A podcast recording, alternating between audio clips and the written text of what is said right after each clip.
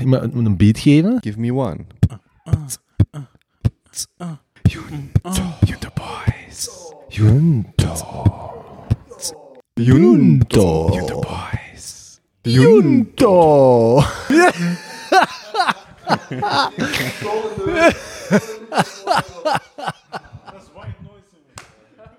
Let's go. Alright.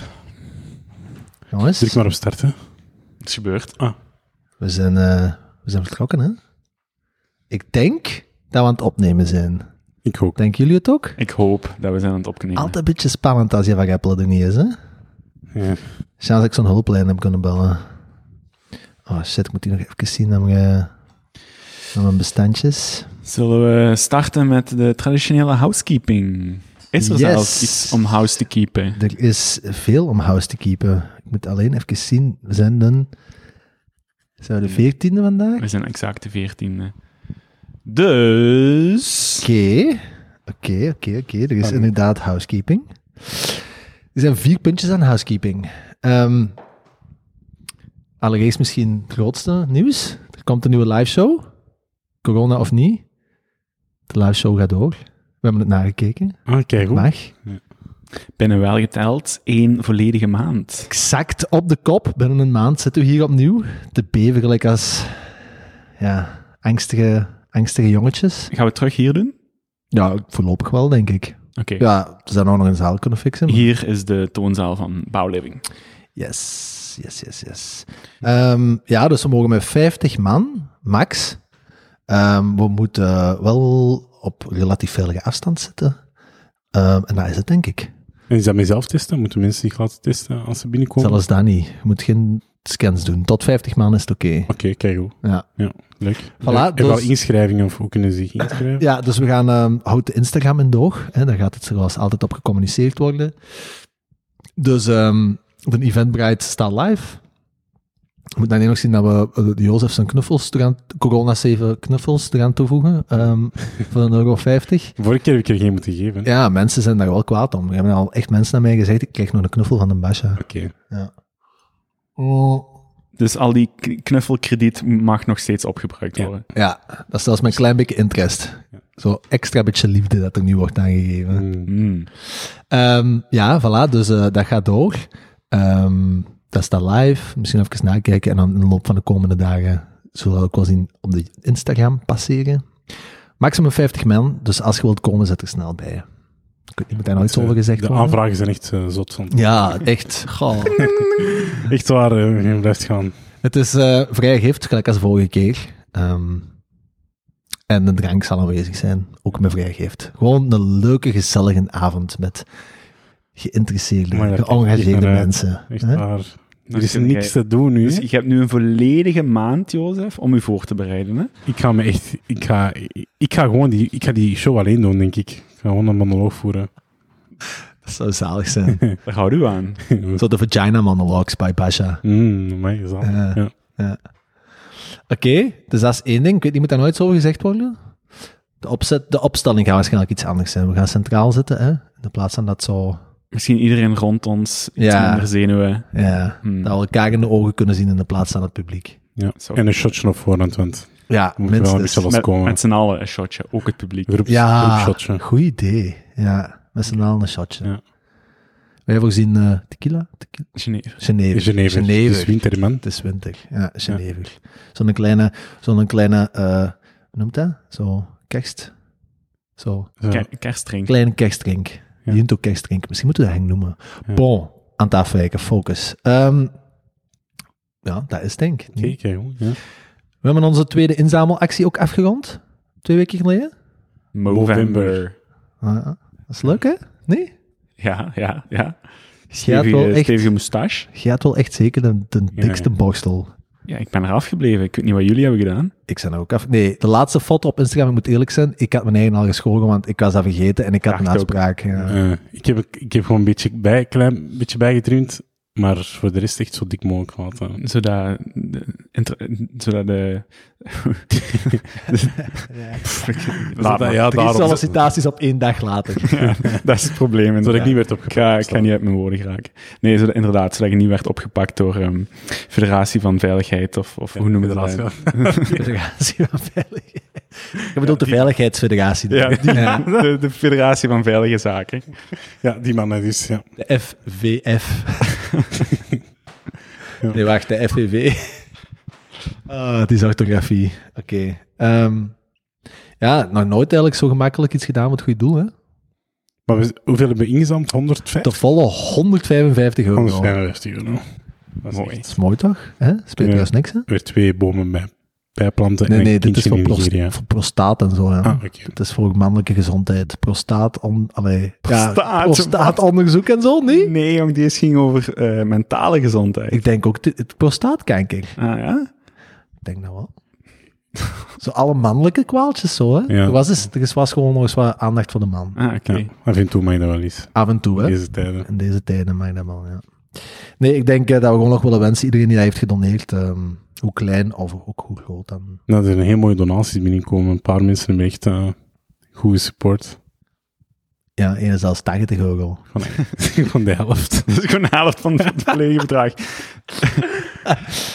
Oké, Ja. ehm, Dude of dudette, merci. Yes, yes, Doe yes, yes. Eh, nee, maar eh, we vinden dat toch altijd leuk, want dat is, dat is en dat blijft nog altijd een van de kernwaarden van, eh, van die Junto. Hè? Ja. Proberen positieve maatschappelijke, maatschappelijke impact te hebben. Dus eh, kunnen we weer op zoek gaan naar een nieuwe actie. Bon, ehm, derde puntje.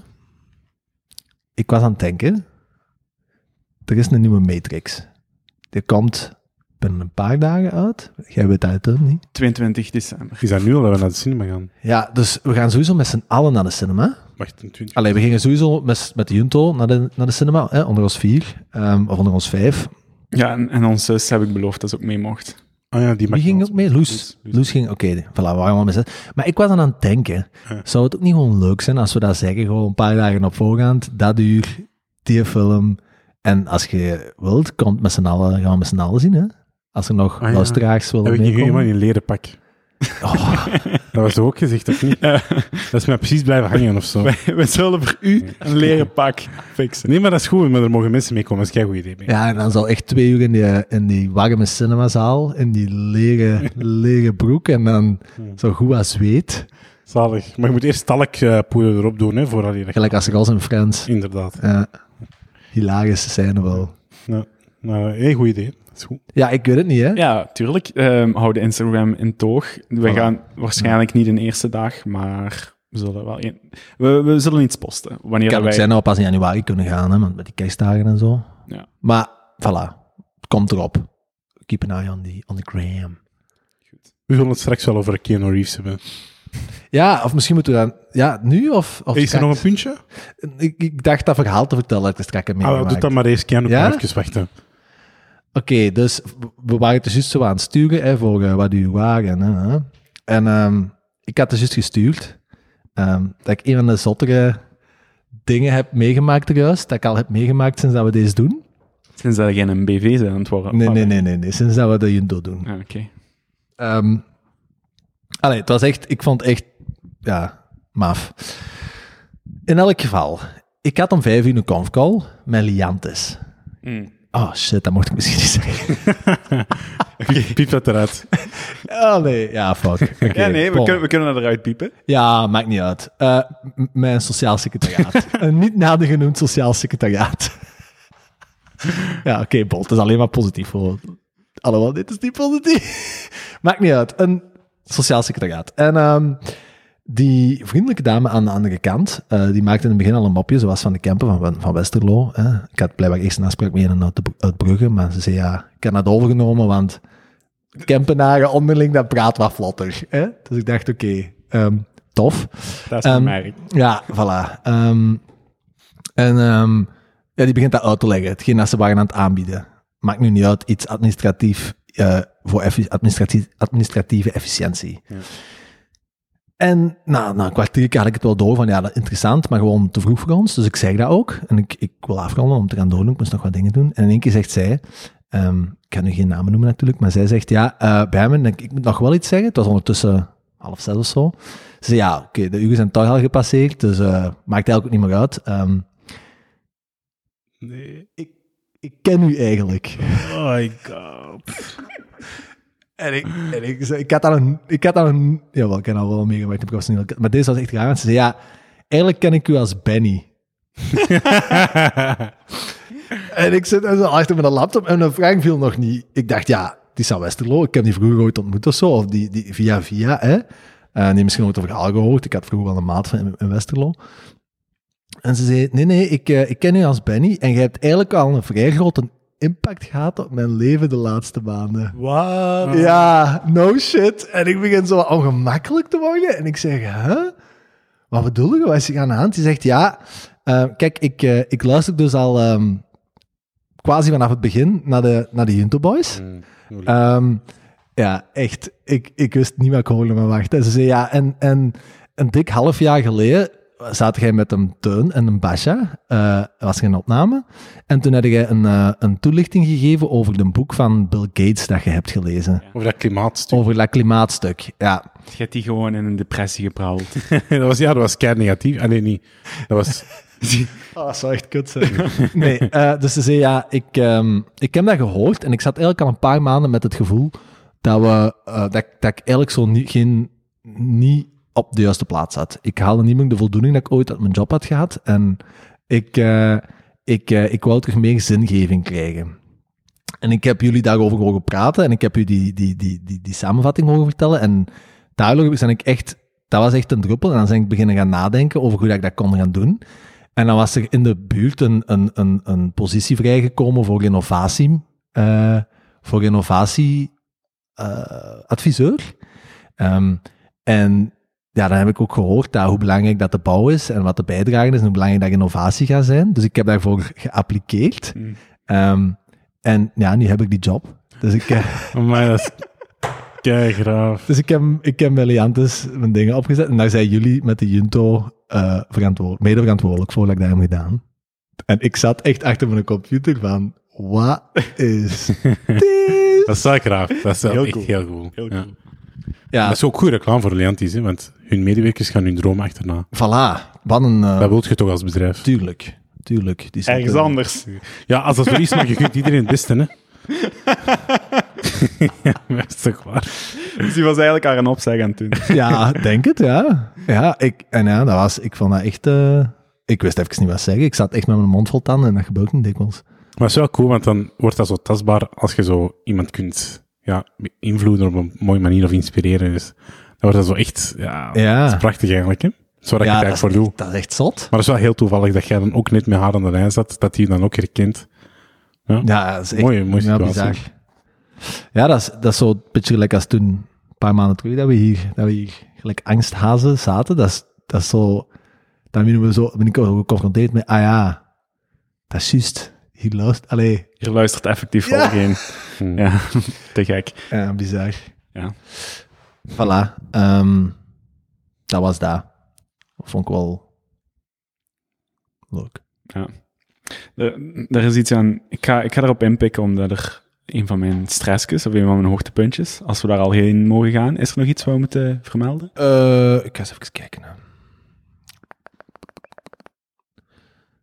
Mooi een overgang, toch? Een mooie overgang. Oké. Dus wat uw ehm, sociaal... So, oh man, ik kan echt niet meer praten vandaag. Ik ben helemaal murf.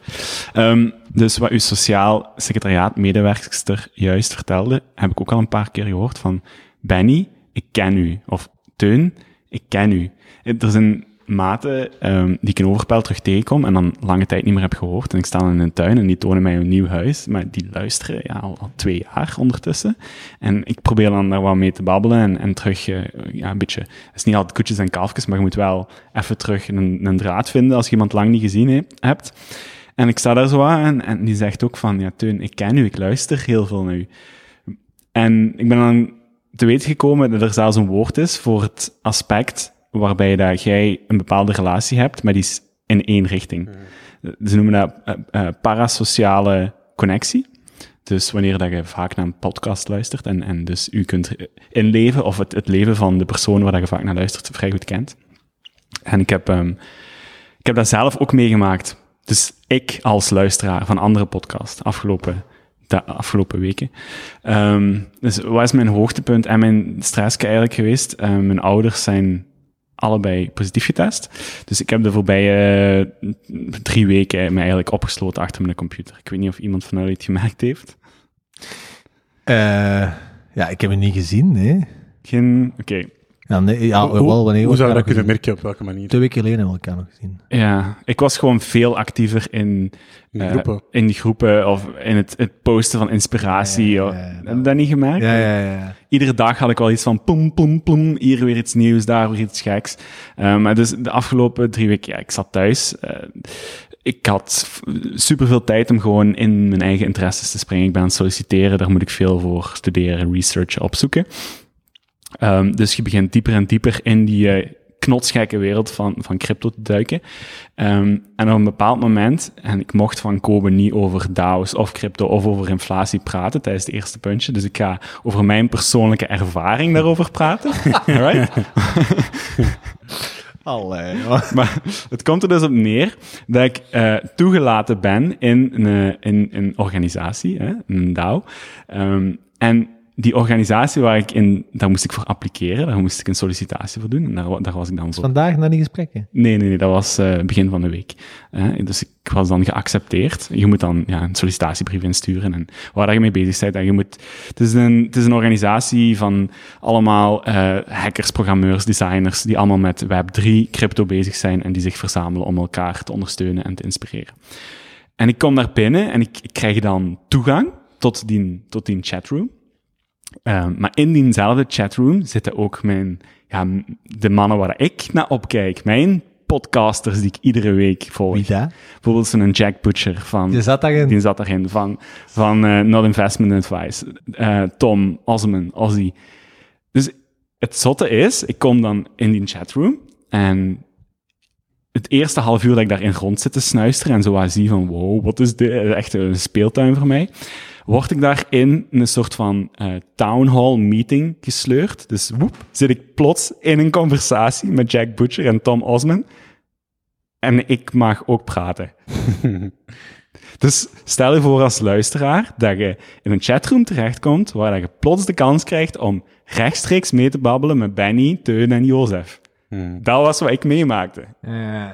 Dus ik had zoiets van, wow, hier zijn echt geen gatekeepers meer. Dit is zo open. Eens dat je in zo die, die, die, die, Ja. cultuur of die groepen zit. Dus ja, ik kwam heel hard in contact met zo dat, die parasociale connectie. En dat ik ook tegen Tom wou zeggen van, ja maar Tom, ik ken u. Je hebt, je hebt onlangs dat plaatje van een steen verkocht voor 1 miljoen. Ik bedoel, Tom, eh, ik kan zoveel over, ik weet zoveel over u. Maar je zegt dat natuurlijk. Overmande nu dat eigenlijk op dat moment? Ja, ja dat, dat, dat kwam vrij hard binnen. Wat heb je dan wel gezegd? Ja, je probeert gewoon cool te blijven.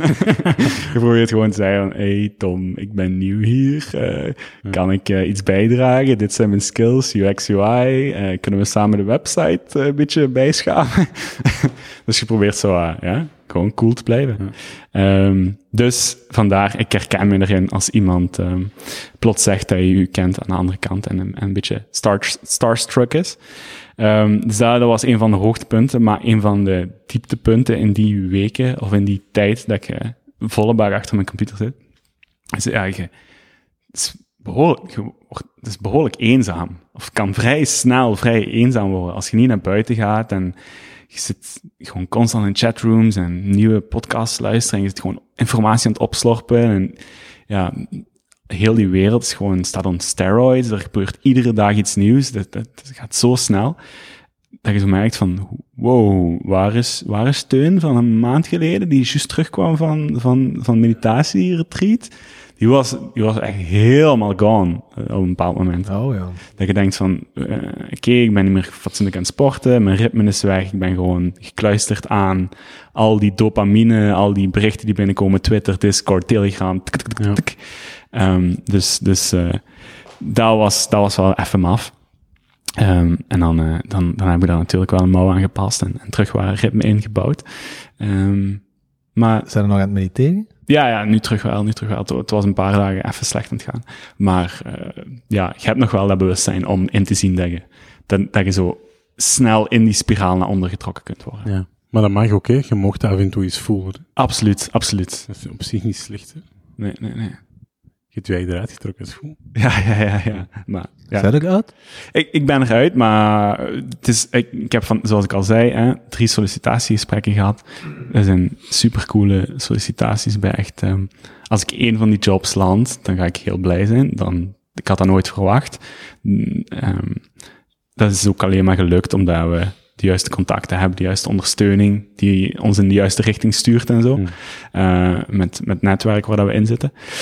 Ehm, dus ja, gewoon supercool. Intens, Hmm. supercool. En ik heb een beetje schrik dat hetgeen dat je de laatste maand hebt meegemaakt zo'n blik was in wat dan de nieuwe, je nieuwe toekomst gaat zijn als je daar in die sector gaat. Ehm, ik denk het niet, omdat ik... Dus nu ben ik gewoon overal aan het zoeken van... Oké, waar is mijn plek? Waar kan ik aan deelnemen? Wat is hier allemaal aan het gebeuren? Je slorpt zoveel informatie op, maar er is geen structuur. Snap je? Je zit gewoon overal opportuniteiten aan het zoeken. Eh, terwijl als je bij een bedrijf start, dan is er een plan, dan is er een doel. Nu is dat gewoon... Ah, die, daar is iets. Ah, daar is nog iets. Misschien daar even bij gaan aanhaken. Ehm, dus, dus dat komt wel goed. Stel als je nu bij zo, mag ik die naam zeggen van die bedrijven?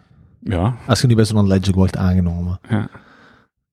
zit er, is er ergens in Europa een ledger kantoor? Er is een ledgerkantoor in Parijs. Dus dat zou betekenen dat ik een paar maanden naar Parijs moet om daar dat um, productteam op te starten. En dan eventueel daarna wel remote te kunnen gaan. eh, Parijs, Parijs is zo'n schoon stad. Hmm. Montmartre is wel prachtig. ik, ik heb niet zo van je Parijs. Dat is, nog, dat is te dichtbij voor u, je wilt verder. Ja, nee, het is gewoon zo weer een stad. Ik, ik wil die mix tussen natuur en, en, en remote online werken plus natuur. Daar ben ik naar op zoek. Is het beter met de ouders? Ja, die zijn ehm, volledig genezen. eh, en dat leek ook niet meer dan een stevige verkoudheid. En ik leef in hetzelfde huis, voorlopig. En ik heb het zelf niet opgepikt. Dus eh, zeer vreemd. Vandaag nog eh, negatief getest. Allee, ja. Hm. Maar hè?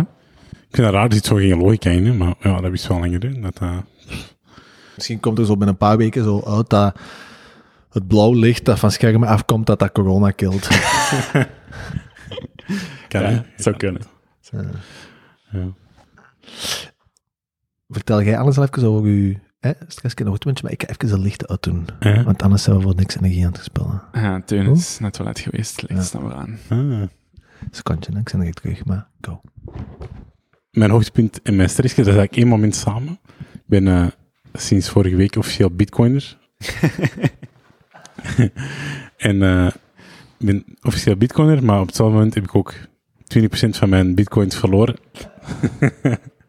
dus eh, Wel, welkom, Basja. Welkom. ja, ik ben... eh, nee, dat is niet waar. Dat is echt niet mijn hoogtepunt of. Dat is, dat is, een leuke, dat is een leuke meewaarde om zo eens mee te kunnen praten met wat jullie allemaal doen zijn met die bitcoins. Ehm, maar ik vind dat zo'n onstabiele markt. Dat daalt en stijgt constant. Ehm, ik, heb zo helemaal geen grip op. En dat geeft mij een heel raar gevoel dat ik bijvoorbeeld daar de helft of eh, de helft van mijn spaarrekening op zou steken. Ik zou daar echt niet, ik zou me echt niet gerust bij voelen. Ik zou echt heel, heel, tijd stress voelen. Constant. Ik heb nu 100 euro opstaan, dat eigenlijk niet eens van mij is. Dat ik heb gekregen van mijn vrienden. En ik krijg gewoon nu al stress van gewoon constant dat te zien fluctueren. Maar echt, en ik check dat vrij regelmatig. Ik word precies zo ingezogen. En ik heb eigenlijk amper risico en ik voel me echt, ik voel me echt getraineerd erdoor. Getraineerd. Ja, maar echt waar. Ik vind dat de hele tijd. Wel, erg CoinMarketCap al geïnstalleerd. Ik heb eh, Coinbase, eh waar Ah, ja. ik nu, dat is mijn favoriete app ook geworden al. En eh, ik ga nu eens kijken, ze, gelijk dat ik altijd doe. Dus ik heb nu echt zoveel geld verloren, ik kan dat echt niet geloven. 113 en ik kan, kwam van over 123. Alleen. Ja. 10%. Ja, dus... Schattig. Dat is heel schattig. maar nee, dat is niet mijn hoogtepunt of stress. Ehm mijn, mijn hoogtepunt was, ik heb, ik heb een, ehm, ik heb heel veel leuke zaken meegemaakt zo'n afgelopen periode, waar ik mij wel zo aan kan optrekken. Ehm, bijvoorbeeld, eh, tijdens mijn les zag ik eh studentjes van mij ineens giechelen toen ik binnenkwam. Dat was wel heel schattig zo. Ehm, dus ik geef nu terug, eh, ik geef heel veel online, ehm, heel veel terug op campusles. Dat, doen nog altijd, altijd op de hogeschool. En eh met vriendjes, ik heb er zo veertig in, in de groep zitten en ik, eh, ik heb zo vijf groepen per, per drie dagen. En ik begon ons allemaal te giechelen als ik binnenkwam. En ik keek zo en ik zei, wat is er grappig? En die zei, niks meneer, niks meneer. En ik vroeg daarna nog eens, "Allee, vertel eens, wat scheelt er? Ik kwam met mijn les beginnen en ineens zei hij van, meneer, maakt u podcasts? En ik zeg, eh, hoe komen jullie daarop?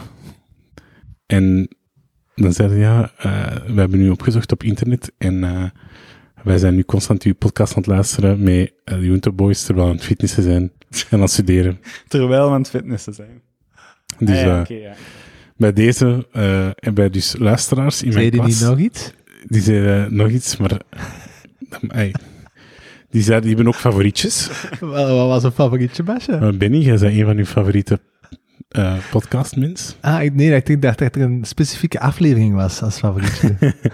Ehm, dus mijn eh, studenten die luisteren dus alle afleveringen nu.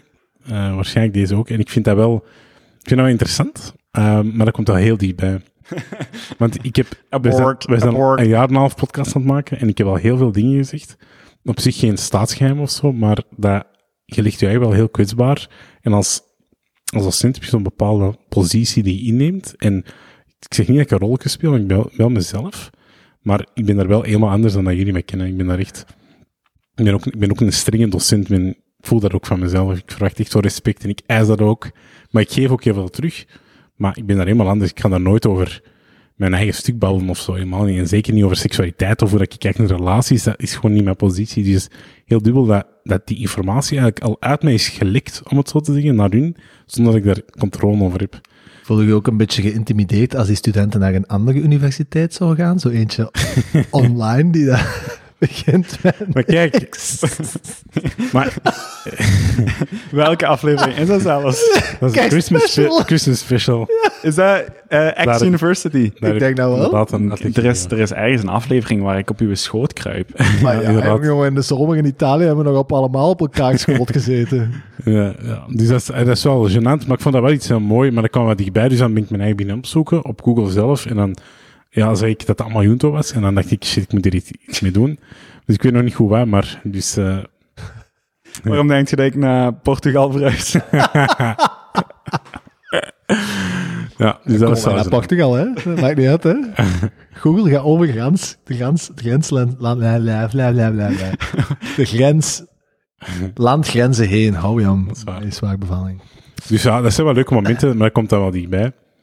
Eh, en voor de rest nog wel wat... Ja, eh, ik heb heel inspirerende mensen ontmoet. Ehm, ik heb dit jaar ook... eh, ze hebben me gevraagd of ik terug op de Molland wil draaien, wat dat super leuk is voor mij.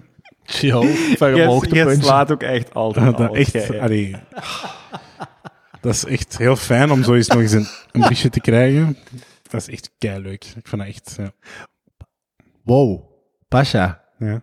Jij hebt mannen nodig voor om materiaal te dragen, hè? Ja, zeker. Jij hebt zeker, jij hebt zeker mannen Ik nodig kan je voor... echt niet meepakken naar Tomorrowland met mij. hè. What the fuck? Wat? Was... Wat? Allee? Wat is dat nu? Wat niet? Gewoon, ik weet niet, eh jullie gaan het uithangen onder mijn naam, denk ik. Man, allee. Nee? Is dat zo vertrouwen dat we krijgen? Ik, ik vind wel dat je dat verdient. Ik vind wel dat als ik iemand zou meepakken, dat jullie het zijn. Ja, zwaar. Echt? Zouden we Als gewoon- ik het zou kunnen, zou ik het zeker doen. Ja. Dan kunnen we toch een podcast op Tomorrowland doen? Dat zou wel... Hey, Porto! Dat zou wel graag zijn, ja. Dus ik draai, eh, ik draai op een kleine stage, helemaal niet zo groot, maar zo een harbor stage van het water, een eiland. Ik heb er al een paar keer gedraaid, dat is echt superleuk. Dus eh, ja, ik kijk wel naar uit, maar ik weet niet of het gaat doorgaan. Hè. Eh, Hmm. We zullen zien dat het zover is. Cool. Dus ja, Zalig. dat zijn wel die leuke momenten. Hè.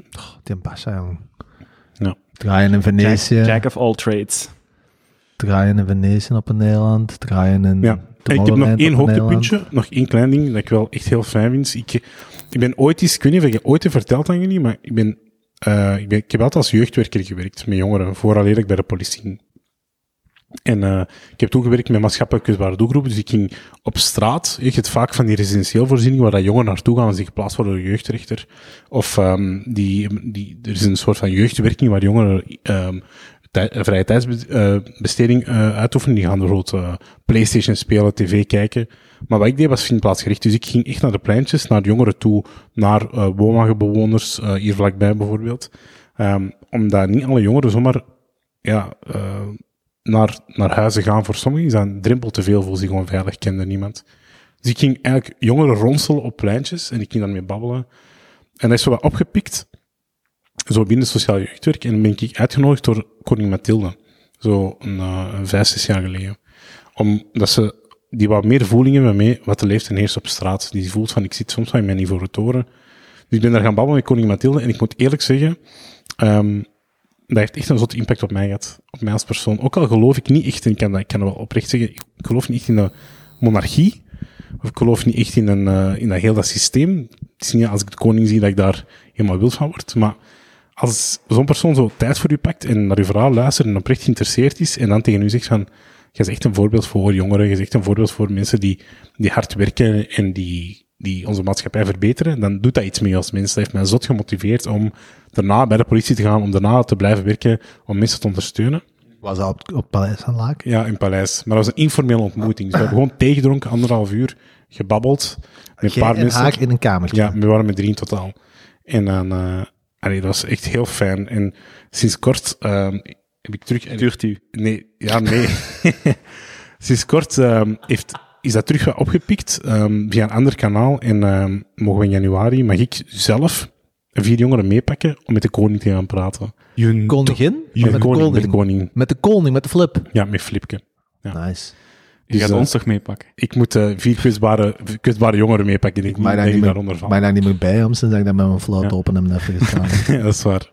Dus ah, ik kijk daar, daar kijk ik wel heel erg naar uit, omdat ik, ik weet al welke vier jongeren dat ik ga wil meepakken, om dat als je van zo iemand hoort en die naar je verhaal wilt luisteren en iemand waarvan dat je denkt, waar zou die persoon ooit één minuut naar mij willen luisteren en die pakt zijn tijd en die wil twee uur met u babbelen en vragen hoe het gaat met u en eh, die wil van u bijleren en die is geïnteresseerd in u, dat doet iets met je leven. En ik vind dat zo waardevol en dus kijk er al keihard naar uit om die gasten mee te pakken en te zien wat voor effect dat, dat heeft op hun en wie gaat hem meepakken?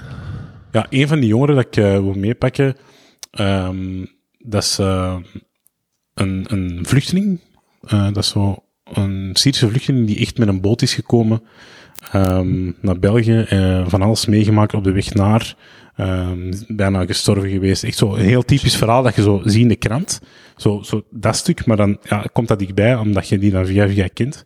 Je hoort dat dan, dat verhaal, en dan denk je, ja, zo iemand moet echt gewoon super goed ondersteund worden door de maatschappij. Dat is ook iemand die dat echt op vijf jaar tijd Nederlands wilt leren. Die wil echt naar school gaan. Die is 22 en die zit nog maar in tweede middelbaar. Dus die moet eigenlijk nog drie jaar studeren, bij van spreken. Drie, vier jaar studeren om te kunnen slagen. Dus die gaat dan zes- 26 zijn. Dan heeft hij nog maar zijn middelbaar diploma. Moet hij nog beginnen werken. Dus je wilt zo'n gast echt wel ondersteunen. Je wilt ervoor zorgen dat hij, ja, dat hij niet in een verkeerd milieu terechtkomt. Dus dan denk ik, ja, dat zijn echt de mensen die dat we moeten hebben. En eh, ja, denk, eh, ja, die gaat ook super bewust om met hoe dat die in de maatschappij staat. Die heeft zoiets van, ik heb keihard meegemaakt, maar ik wil werken voor mijn geld en ik wil teruggeven aan, aan, aan ik voel mij hier veilig, dus ik wil werken en geld verdienen voor de maatschappij terug. Gaat je ook zo iemand meepakken die, die ah, zo, misschien een klein straatboefken of zo? Iemand die Ja. al uh, zedenfeit feit Ja. heeft Dus gepleegd? ik heb ook geprobeerd de, de, andere? de, zo de, de horloge van de koning af te geven als hem die een hand geeft. Ik heb ene gast, ehm, Zo op de weg naar buiten, theeset mee. ik- ik heb hem nog niet gevraagd, maar die zit gewoon in mijn hoofd van, ik, ik zag die onlangs, ehm, ehm, via via heb ik die leren kennen, en dat was echt, dat is een kleine crimineel. Ehm, maar we speelden zo een spelletje Time is Up. Kun je Is ziek of echt gewoon qua de daden dat hem doet? Nee, nee, dat is echt, die is 19 jaar, maar dat is ook echt een crimineel. Die heeft al feiten gepleegd. Dus ik leerde die kennen via via en die, ik had, eh, dat viel dan aan tafel, dat ik bij de politie heb gewerkt. En ineens komt, en dat is vaak dat jongeren naar mij komen en zeggen, mag ik iets vragen? Ken je een goede advocaat? Of die laten dan zo'n briefje zien voor dat informatie, want die snappen niet altijd die briefwisseling wat die krijgen van, van het parket of van justitie. Dus die komt naar mij en die, die, dat was een money mule. Ik weet niet of jullie dat kennen, zo'n money mule. Die, die dragen geld van één plek naar de andere. Nee, dat is digitaal. Dus die, die, ehm die Ah. moeten hun gegevens afgeven en hun bankkaart, daar wordt eigenlijk geld op gestort. Ja. En onder hun gegevens, want een bankkaart is altijd gelinkt aan een identiteit. Ja. Je kunt anders geen rekening meer open doen. En, uh, dus er wordt eigenlijk uh, geld ge geriept uh, via mensen af te riepen, zoals dat je nu krijgt, zo iets me, is, Ja, is phishing. ja, phishing, eh, wordt geld afgeriept. Dat wordt op hun bankkaart ges gestoken en zij moeten daar een, eigenlijk alles van afgeven, maar ze krijgen een klein procent van dat geld. Dus dat doet eigenlijk niks crimineel. Het enige dat ze doen is ze, ze geven een platform voor mensen. En die gast is 19 jaar, die verdient er een paar duizend euro mee in de maand voor zijn rekening. Um, dus ze storten daar 2000 euro heen en die moet die ook terug doorstorten. Ja, die stort hij dan door. Nee, die gaat afhalen, die heeft dat cash af en die mag dan bijvoorbeeld 50 euro houden, ik zeg maar iets. Okay. Dus dat wordt echt vaak gedaan bij jonge mensen, jonge gasten die ja, snel geld willen verdienen. En ja, dat, het probleem is, dat zijn altijd, die worden altijd gepakt. Want als er iemand wordt gepakt op die rekening, dan zijn zij het. En niet degene aan wie dat ze de cash gaan afgeven. En wat voor straffen krijgen die dan? Ja, dat zijn straffen, dat is de rechter die bepaalt, maar er zit daar gevangenisstraffen op. Maar, Allee, dat meen je. Ja, wel, dat, is, dat, is, dat is gewoon strafrechtelijk, dat is een serieus misdrijf. Hè. Dat is eigenlijk witwassen ook. Hè. Dat weten die mannen toch niet? Ja, die zijn jong, hè. Die, die hebben ook niet altijd, hè, om het heel zwart-wit te zeggen, geen hoog IQ of zo. Dat zijn niet altijd de meest snuggere ge, geleerde mensen. Um, dus ja, die worden wel misbruikt vanuit hun positie. Hè. Dat is wel heel erg. Dus hij is er zo een Dan komt een Lucian Dude naar die mannetjes op straat en hij zegt, hey, hey, hey, ik heb een voorstel, ik heb een voorstel. Geef mij uw bankrekening, Ja. ik stort u geld, jij kunt 150 euro verdienen en het enige dat je moet doen is dat geld gaan afhalen en aan mij geven. ja, dat is toch... Elk gastje dat in Borgerhout op straat leeft, doet dat toch. Ja, dat gebeurt heel vaak. Hè. Dus dat is echt een keigroot probleem, want je pakt eigenlijk... Ja, de echte criminelen pakten niet, maar die jongeren worden wel altijd gecriminaliseerd. Dus die komt nu in aanraking, die moet dan veroordeeld worden door de politie, Mm. die voelt zich dan ook niet goed. Dus, hè, dus dat zijn zo'n gasten, ik wil die echt wel... Ik ga hem ook meepakken uh, om eens in gesprek, gewoon om Ja, die terug wel sowieso een te impact zetten. hebben. Dus ja, dat ga ik doen. Zo, Zo mogen er vier meepakken. Ja, vier, vijf, maar ik heb zo'n vier in mijn hoofd. Dus uh, Wanneer mogen jij naar, uh, naar het paleis? januari, februari ergens. Stel, hè? Puur hypothetisch. Ja. Mogen een selfie maken met de koning? Ik heb dat vorige keer gevraagd, maar dat mocht niet. Dus, uh, omdat dat informele, dat is een informele setting, dus je kunt dat niet... Uh, en je moet ook geen video maken of zo? Nee, ik ga, dat, ik ga dat ook niet doen. Gewoon puur uit respect. Maar dat zit, ja, Ah, ja. zit in mijn hart, hè, Binny. Dat weet jij. Niet alles moet op sociale media komen. Nee, nee, nee, nee, nee. Ik was gewoon aan het denken, het zou wel heel leuk zijn als je die zou kunnen laten zeggen. Ik luister ook naar de Junto Boys. Ik kan, dat, ik kan dat voorstellen, ik kan zeggen dat we een sociaal project zijn en dat ik uh, mensen met beperking mee aan tafel met mij laat zitten. En misschien dat we zo wel uh, respect krijgen van de koning. Meneer, meneer, meneer, kun jij eens heel zwoel? Baba ganoush. ja, dus dat is ook dat is zo'n hoogtepunt van mijn week. Dus, uh, Zalig, Dat is ja. dan mijn week, hè. En dan buiten de crypto nog stressjes of niet? Uh, uh, nee, voor de rest niet. Buiten dat weer altijd kei... Het is echt keislicht weer. Ik vind het altijd super snel donker worden. Ik word er echt depressief van, ik wel even zeggen. Mm. Ja. Je hebt zo... Ken je dingen... Ah, noemt hem nu weer. Die een uh, dokter... Ik zal het nog een keer zeggen, weet je wie ik bedoel. Jawel, die dan nu zo op een half jaar tijd echt de uh, expert is geworden wat betreft gezondheid. Ze zeg meer dokter wie? Ja, met zijn podcast. Ah, Luberman. Nee, ja, Hu Huberman. Huberman's Lab. Ja, hè? ja. Dr. Andrew Huberman. Ja. Huberman. Ik ken die wel niet. Ja, dat is echt zo'n gast die een half jaar geleden een podcast gestart. Nee, begin van deze jaar, denk ik.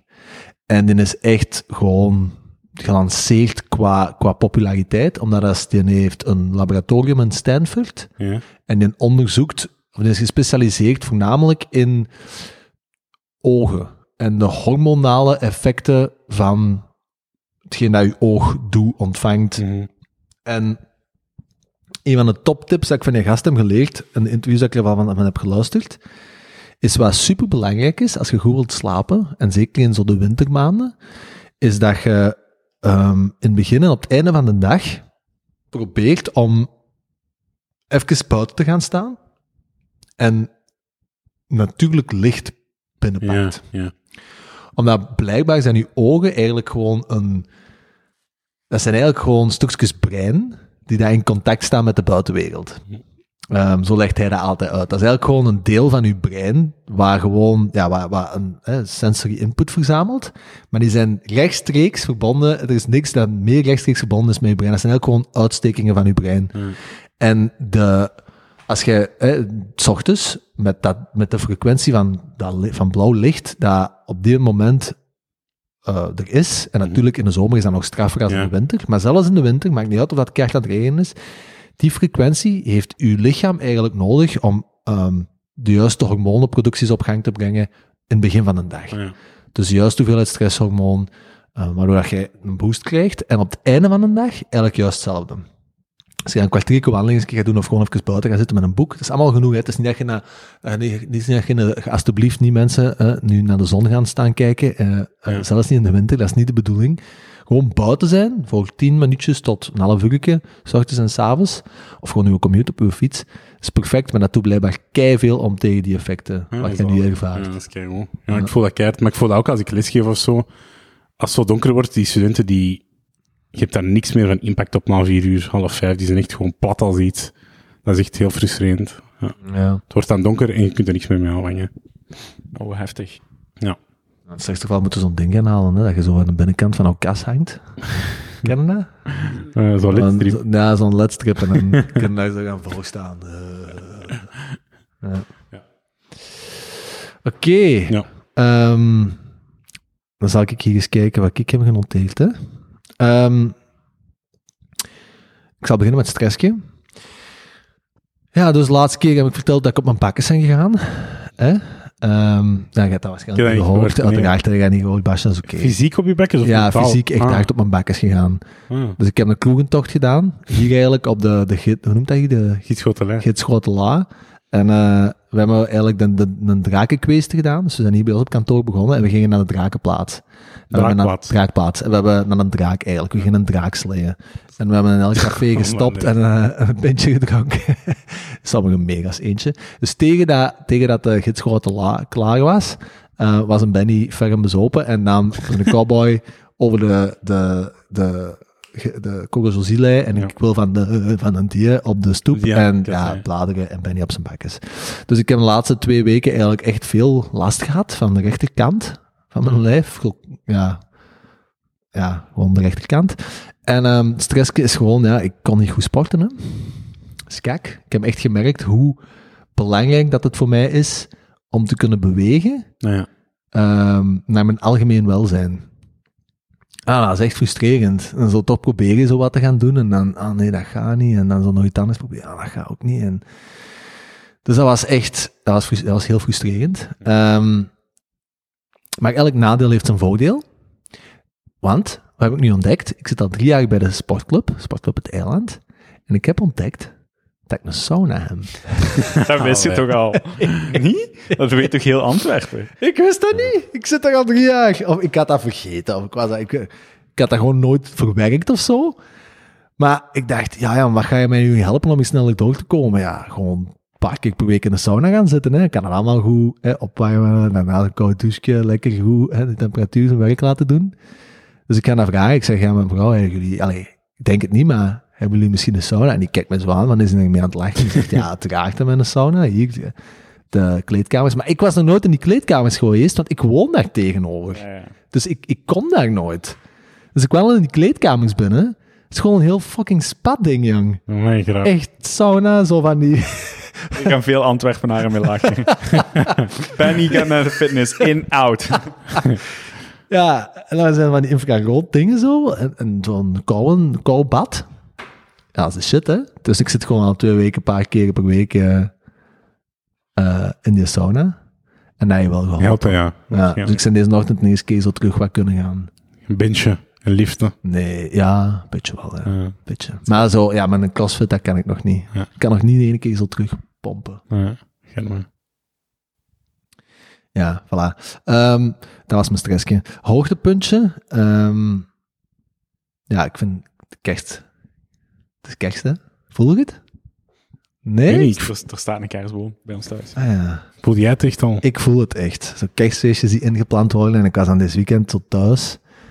eh, bij de familie. En dan zo Sinterklaas gaan afhalen bij de bomma en de bomba. Met, allee, mijn ouders dan. Maar dan met de kindjes van mijn zus. Ja. Ja, ik vond in één keer ook veel met zo'n kerstsfeer. Zo. We hebben, overmorgen hebben we een kerstfeestje bij ons op het werk. Wat ga je doen? Ik heb uh, kaas van nu. Hmm. ja, maar digitaal, hè? Digitaal. Ik- Waar, iedereen bij zijn thuis. Ja, Ja, ja, digitaal. Digi- digitale Ja, ja. Ja, net zoals dat wij deze ook digitaal. Ja, ja, ja, ja, ja, ja. ja. Ehm, ehm, ja, voilà. Eh, dat vind ik wel echt heel leuk. Ehm allee, weet niet. Dit jaar geniet ik daar precies meer van als andere Gaan jaar. wij elkaar een cadeautje geven? De zondag. Nee, ja, ik- ja inderdaad, zondag. Oké, Secret Santa. Ja? Is goed? Ja? is goed. Organiseer je dat? Ja. Je kunt zo Secret Santa en zo...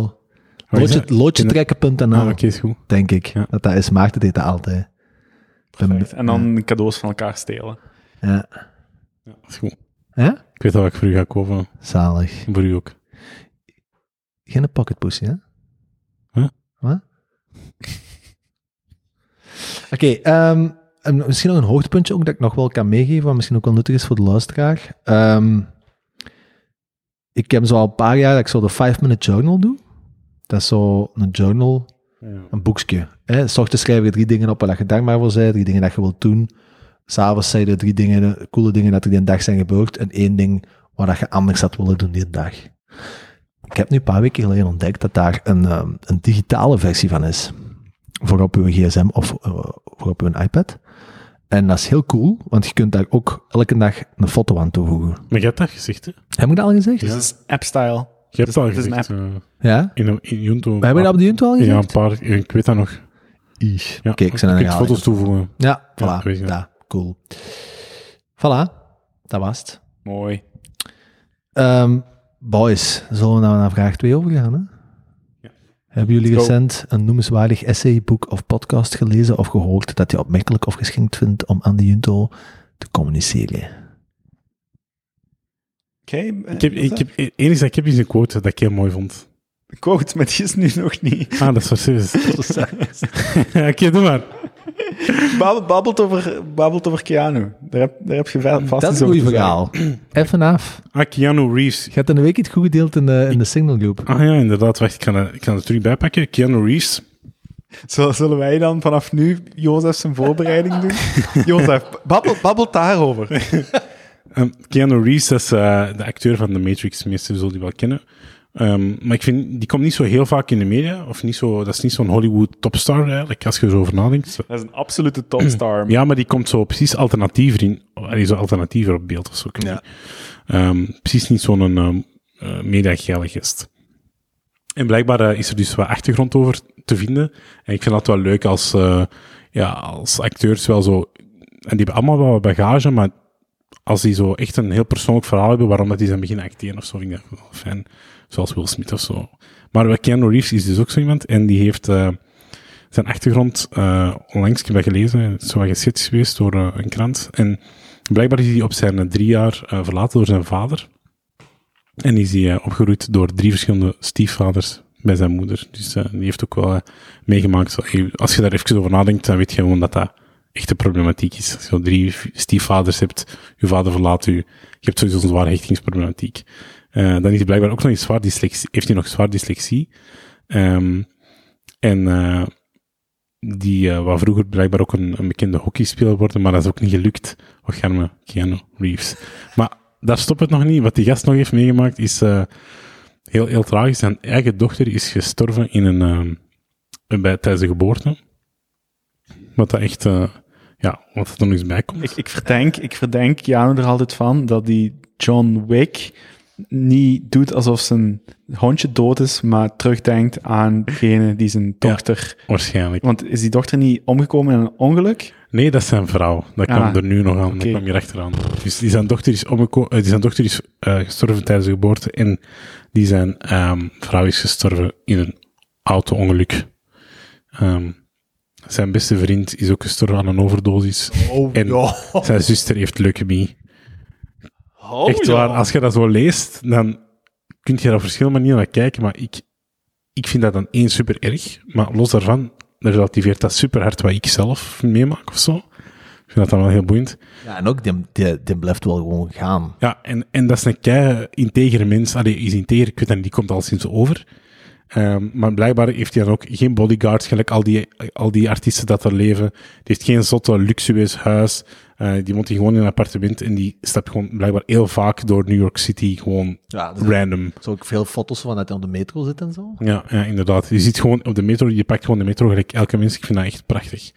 Um, en dan heeft hij, die helpt dan bijvoorbeeld sommige mensen die dat, waarvan hij weet dat die problemen hebben, dan doneert hij ineens 20.000 euro, maar zo heel, um, heel persoonlijk. Zo een van zijn, iemand op een filmset had geld nodig omdat hij eh, thuis niet meer kon overleven. Maar die begint hij gewoon even te ondersteunen. Niet dat geld alles oplost, maar die is gewoon super betrokken met alles wat hij doet. En dan, eh, ja, ik vind dat dan zo super mooi op eh, hoe dat hij daarmee omgaat. En bij deze wil ik een hommage uitbrengen aan Keanu Reeves, mijn, mijn voorbeeld. Dank u wel. Ja. En eh, ik heb Ook ook, eh, eronder wel. geschreven ehm, in onze post, like als je eens wil mailen met Keanu. en eh Benjamin, Teun en ikzelf hebben, die, hebben dat geliked. Dus, eh, Ja, Ja. zijn nu eerlijk. Keer goed melden met een Neo. dus ik vind dat, deze, ik vind dat een foto van hem in, zijn, in de show notes mag. Zeker. Ja. Gewoon uh, Tot zover. bied. Tot zover mijn eh, interessante podcastboek. Of uh, Mooi. Mooi, mooi, mooi. Dankjewel voor eh, de steun. Dank je voor die bijdrage. En nog één ding dat ik in een week ook had gezien. Ehm, die, eh, die is er ondertussen 57. Ja. Hè? Die ziet er wel echt Veertig. zev- 37. Ja, ja, 38, 40, zo. 38 met zo wat wit in zijn baard. Ja. Hè? Maar, eh, als een stunt zelf. Echt? Ja. Die dude die is, eh, is extreem goed in martial arts, hè. Ja, dat is ook echt nog fucking fit, hè? Hmm. 58. Vol een bos haar. Ik wil er geen ruzie mee hebben. Oh, poltig bazekes, hè? Potig bazeke. kan een ferme Dat is, ik, volgens mij is dat een van onze grootste idolen naast, ja, ik weet niet, die podcast meestal jullie luisteren, maar dat is wel echt een iets. Ja, sowieso. Sowieso. De, de, wat de Matrix teweeg heeft gebracht op, op cultureel niveau, qua nieuwe concepten. En, en dat heeft gewoon de volledige generatie millennials het hoofd opengebroken. En, en concepten zoals ja, simulation en, en, en wie ben ik. En, Ja. en zo- er zit massa's law of attraction en, Ja. en spiritualiteit in de Matrix verweven. Hè. Is Met die Oracle en zo. Boeddhisme. Ja, boeddhisme, Ja, inderdaad. ja. Ah, En, pillen slikken ook wel natuurlijk, maar dat is niet. Ja. maar eh, hoe zat is dat ook dat die regisseurs, hè, de Wazowski Brothers, dat zijn nu de Wazowski Sisters, Ja, ja. dat is toch ook zot? Wij, die, Allebei zijn tweelingen en die hebben allebei een seksverandering laten doorvoeren. Hè? dat is interessant. Nee. Eh, en over laatst heb ik ook een artikel gezien, dat vond ik ook wel interessant, eh, of fascinerend. En dat zegt ook iets over hem. Hmm. Zo'n artikel, ehm eh, Keanu, look how Keanu Reeves is dating this, this age-appropriate woman. dus ja, die dude, die kan... pff, wie kan je niet krijgen? Let's face it. Die kan ons krijgen. ja, ik, Die kan echt ons krijgen. Mooie pijn. Allee, Keanu en een Basha op de rode looping zo. Basha met zo'n handje op zijn schouder. Ehm, ja, nee, maar allee, hè, die, die dude, het is eerlijk de vraag wie kan hem niet krijgen als wie, die, wie, dat, wie dat hem wel kan Ja. krijgen. En dan is dan zo samen met een... ehm voilà, niks mis, niks mis mee is wel duidelijk. Daarom vind ik het ook zo cool. Mijn, ik denk dat zij een paar jaar ouder was, dus begin de 60. En eh, een, eh, een artieste uit, eh, uit New York. Ja. Maar dat is een vrouw van in de 60, ook geen actrice. Dus het is niet dat hij zo helemaal opgespoten en fake uitziet. Dat is gewoon een, Een mooie 60-jarige vrouw met, met kort wit, wit kapsel. Ehm, en, en dat gewoon zie, ja, die heeft al een, een, een leven geleid, maar een knappe madame, hè, maar wel ja, 60 jaar. En dan zie je die zo, je zag die dan samen op die foto staan van de première van een van zijn films. En dan is dat, dat was echt zo, ah ja. Dat was echt winnen eigenlijk. Ja, omdat Keanu Reeves, ja, hè, en dan, ah ja, juist. Dus die, die kiest dan ook zo nog eens een intelligente, coole madame, Oh. die dan met coole shit bezig is, in plaats van zo'n 25-jarige, ja, hitsige puppy. Sorry. Eh, nee, nee, is geen... oeh, ik wou het anders zeggen. Ehm, ehm, ja, dus dat maakt hem gewoon nog eens zo cool, hè? Beyond cool. Ja, ja. Ik hoop echt dat dit op Joe Rogan komt de komende weken. Ik hoop het ook. Ik hoop het ook. Hij zou het heel goed doen. Ja, als je dat interview zag. Wauw. Ja, hij heeft nu een heel cool interview voor de luisteraars met... eh, ik denk dat het vanuit PlayStation komt of van de... Verge. Ver- ah, The Verge. En ze spreken over ehm, Unreal Engine. ehm, het, de software die eigenlijk games rendert, programmeert en simuleert. ehm, die ze ook gebruikt hebben voor... Ja, Unreal, Unreal Engine 5 is nu. Ja. Dat is zo de nieuwe, de nieuwe versie ervan. En die is quasi fotorealistisch. Hmm, het, is, Ja. het is maf. Het is leuk om te zien. We, we, zijn er, we zijn het erover eens dat de marketingcampagne van de Matrix echt top-notch is. Hmm. Ja, ja. Maar is dat niet waar dat hij ook spreekt over zo wat porno doet op effecten van porno? Is dat, is dat niet dat? Mm, nee, hij spreekt wel over de gevaren van eh, VR, AR en wat er gaat gebeuren als we dan ons binnenkort in een eh, sensorisch pak hijsen dat alles simuleert wat we Ah, meemaken. oké. En dat de realiteit dan niet meer te onderscheiden gaat zijn van de echte wereld. Of de, de, de digitale realiteit. Nee. Matrix voor Komt jou. eraan, hè? Ja, tuurlijk. Maar het is een goede, goede overgang, Jozef. Ehm, als we het toch over porno willen hebben. Ehm, Toon is echt on the. Ja, is een transities zijn echt heel clean, hè? Echt, eh Echt, nee, moet echt DJ worden. goede flow. evolutionaire psychologie. Ik ga daar goed op. Ehm, Jordan Peterson ook. De woke society iets minder. Even tussendoor gewoon puur, hè. Mhm. Je zijn vragen overgeslagen, dat is de, de bedoeling? Ja, maar Ah, ik, ga, ik ga die gewoon... Ik, Top. ik flip hem around. Nice. Ehm, dus evolutionaire psychologie. Ik vind dat heel cool, omdat ehm, ik het nog altijd het gevoel heb dat je heel veel van onze eh, soms domme, soms gekke, soms eh, ja, waanzinnige gedragingen kunt verklaren door evolutionaire psychologie. Ehm, en dat iedereen maar denkt dat we daar eh, eh, niet vatbaar voor zijn. Maar in de very end zijn wij nog altijd gewoon een bende apen met goddelijke technologie. En dat is een probleem aan het worden. Ehm, dus eh, ons lizard brain, ons mammal brain, eh, het zoogdierenbrein dat onder onze giga-woke eh, prefrontale eh, kwap zit, ehm, dat heeft nog altijd heel veel effect. En om even een introductie te geven, ehm, wij, wij, wij onderschatten hoe kort onze huidige moderne samenleving maar is. Dat wij elkaar niet gewoon met een knuppel tegen de grond houden en, en elkaar opvraten of, of eh te niet doen. Maar ehm, om nu een tijdsperspectief te geven, ik ga eerst over de aarde babbelen. Dus als de aarde gevormd zou zijn om middernacht, hè, uur 000, ehm, en het volgende moment, of het moment nu, hè, december 2021, zou 24 uur later zijn, hè, dus dat is uw tijdsperiode, dan zou de moderne mens, Homo sapiens, pas op het toneel verschijnen om 11 uur, 59 minuten, 59 seconden. Dus dat is We, de... we zijn niks in... We zijn in niks in de, in de tijdspan van de aarde. Ja. Van de aarde. 11 uur, Laatste seconde. laatste seconde komen wij op toneel. In, sinds de creatie van de aarde. sinds- ja, sinds maar de Big Bang Ja, in dat zegt eigenlijk niks, hè? dus, maar dan, als we verder gaan en die vergelijking toepassen op de menselijke geschiedenis, dan representeren de laatste 14 minuten van de 24 uur durende menselijke geschiedenis de het tijdsperiode sinds de geboorte van Christus. Dus de totale termijn dat wij al bestaan als soort, Homo Als- sapiens, nee. Eh, nee, nee, nee. De laat, ja, inderdaad. De, de totale termijn dat wij al bestaan als Homo sapiens, als je die opdeelt in 24 uur, de laatste 14 minuten eh, representeren de tijdsperiode vanaf de geboorte van Christus. De laatste 2000 jaar, give or take. Exact. Dus, hè, ehm, dat reptiele brein, dat zoogdierenbrein, daar zit daar nog eh, voor heel veel tussen. Ehm, en een van de manieren waarop dat dan nog tot uiting komt, is de manier waarop dat mannen en vrouwen op een andere wijze connectie zoeken met elkaar. Dus als een vrouw eh, bevalt, dan is er een ontzettende ontlading van eh, oxytocine, eh, oxytocin. Ehm, daar komt ook tot ontlading als je borstvoeding geeft. Ja. Bij een vrouwelijk orgasme heb je dat. Ehm dat noemt eigenlijk het knuffelhormoon. De wine event, hè? Een vent heeft dat ook, maar in mindere mate. Dus dat is niet zo gigantisch aanwezig als, als bij een vrouw. Ehm, een vent heeft eigenlijk een primitiever ehm, hormoon. En ik ga nu even kijken hoe dat weer noemde, maar ik denk dat het, noemt vasopresine.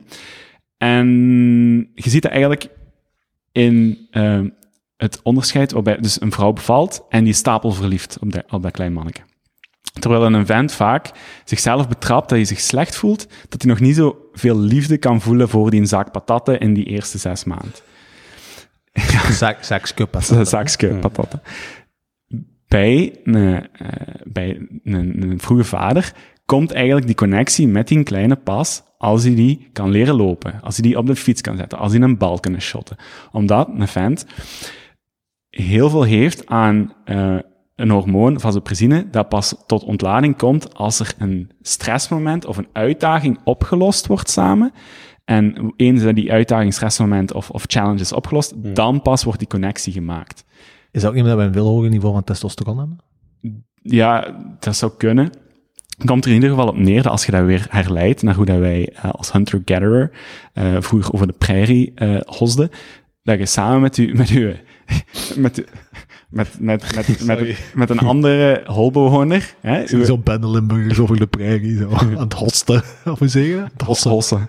Ehm, dus als jij samen met uw, uw compaan, hè, die, die mammoet, eh, had, had, had neergehaald, en je waart door die stress heen gegaan, en het is op dat moment dat je eigenlijk Dat bindt u. dat je die band creëert.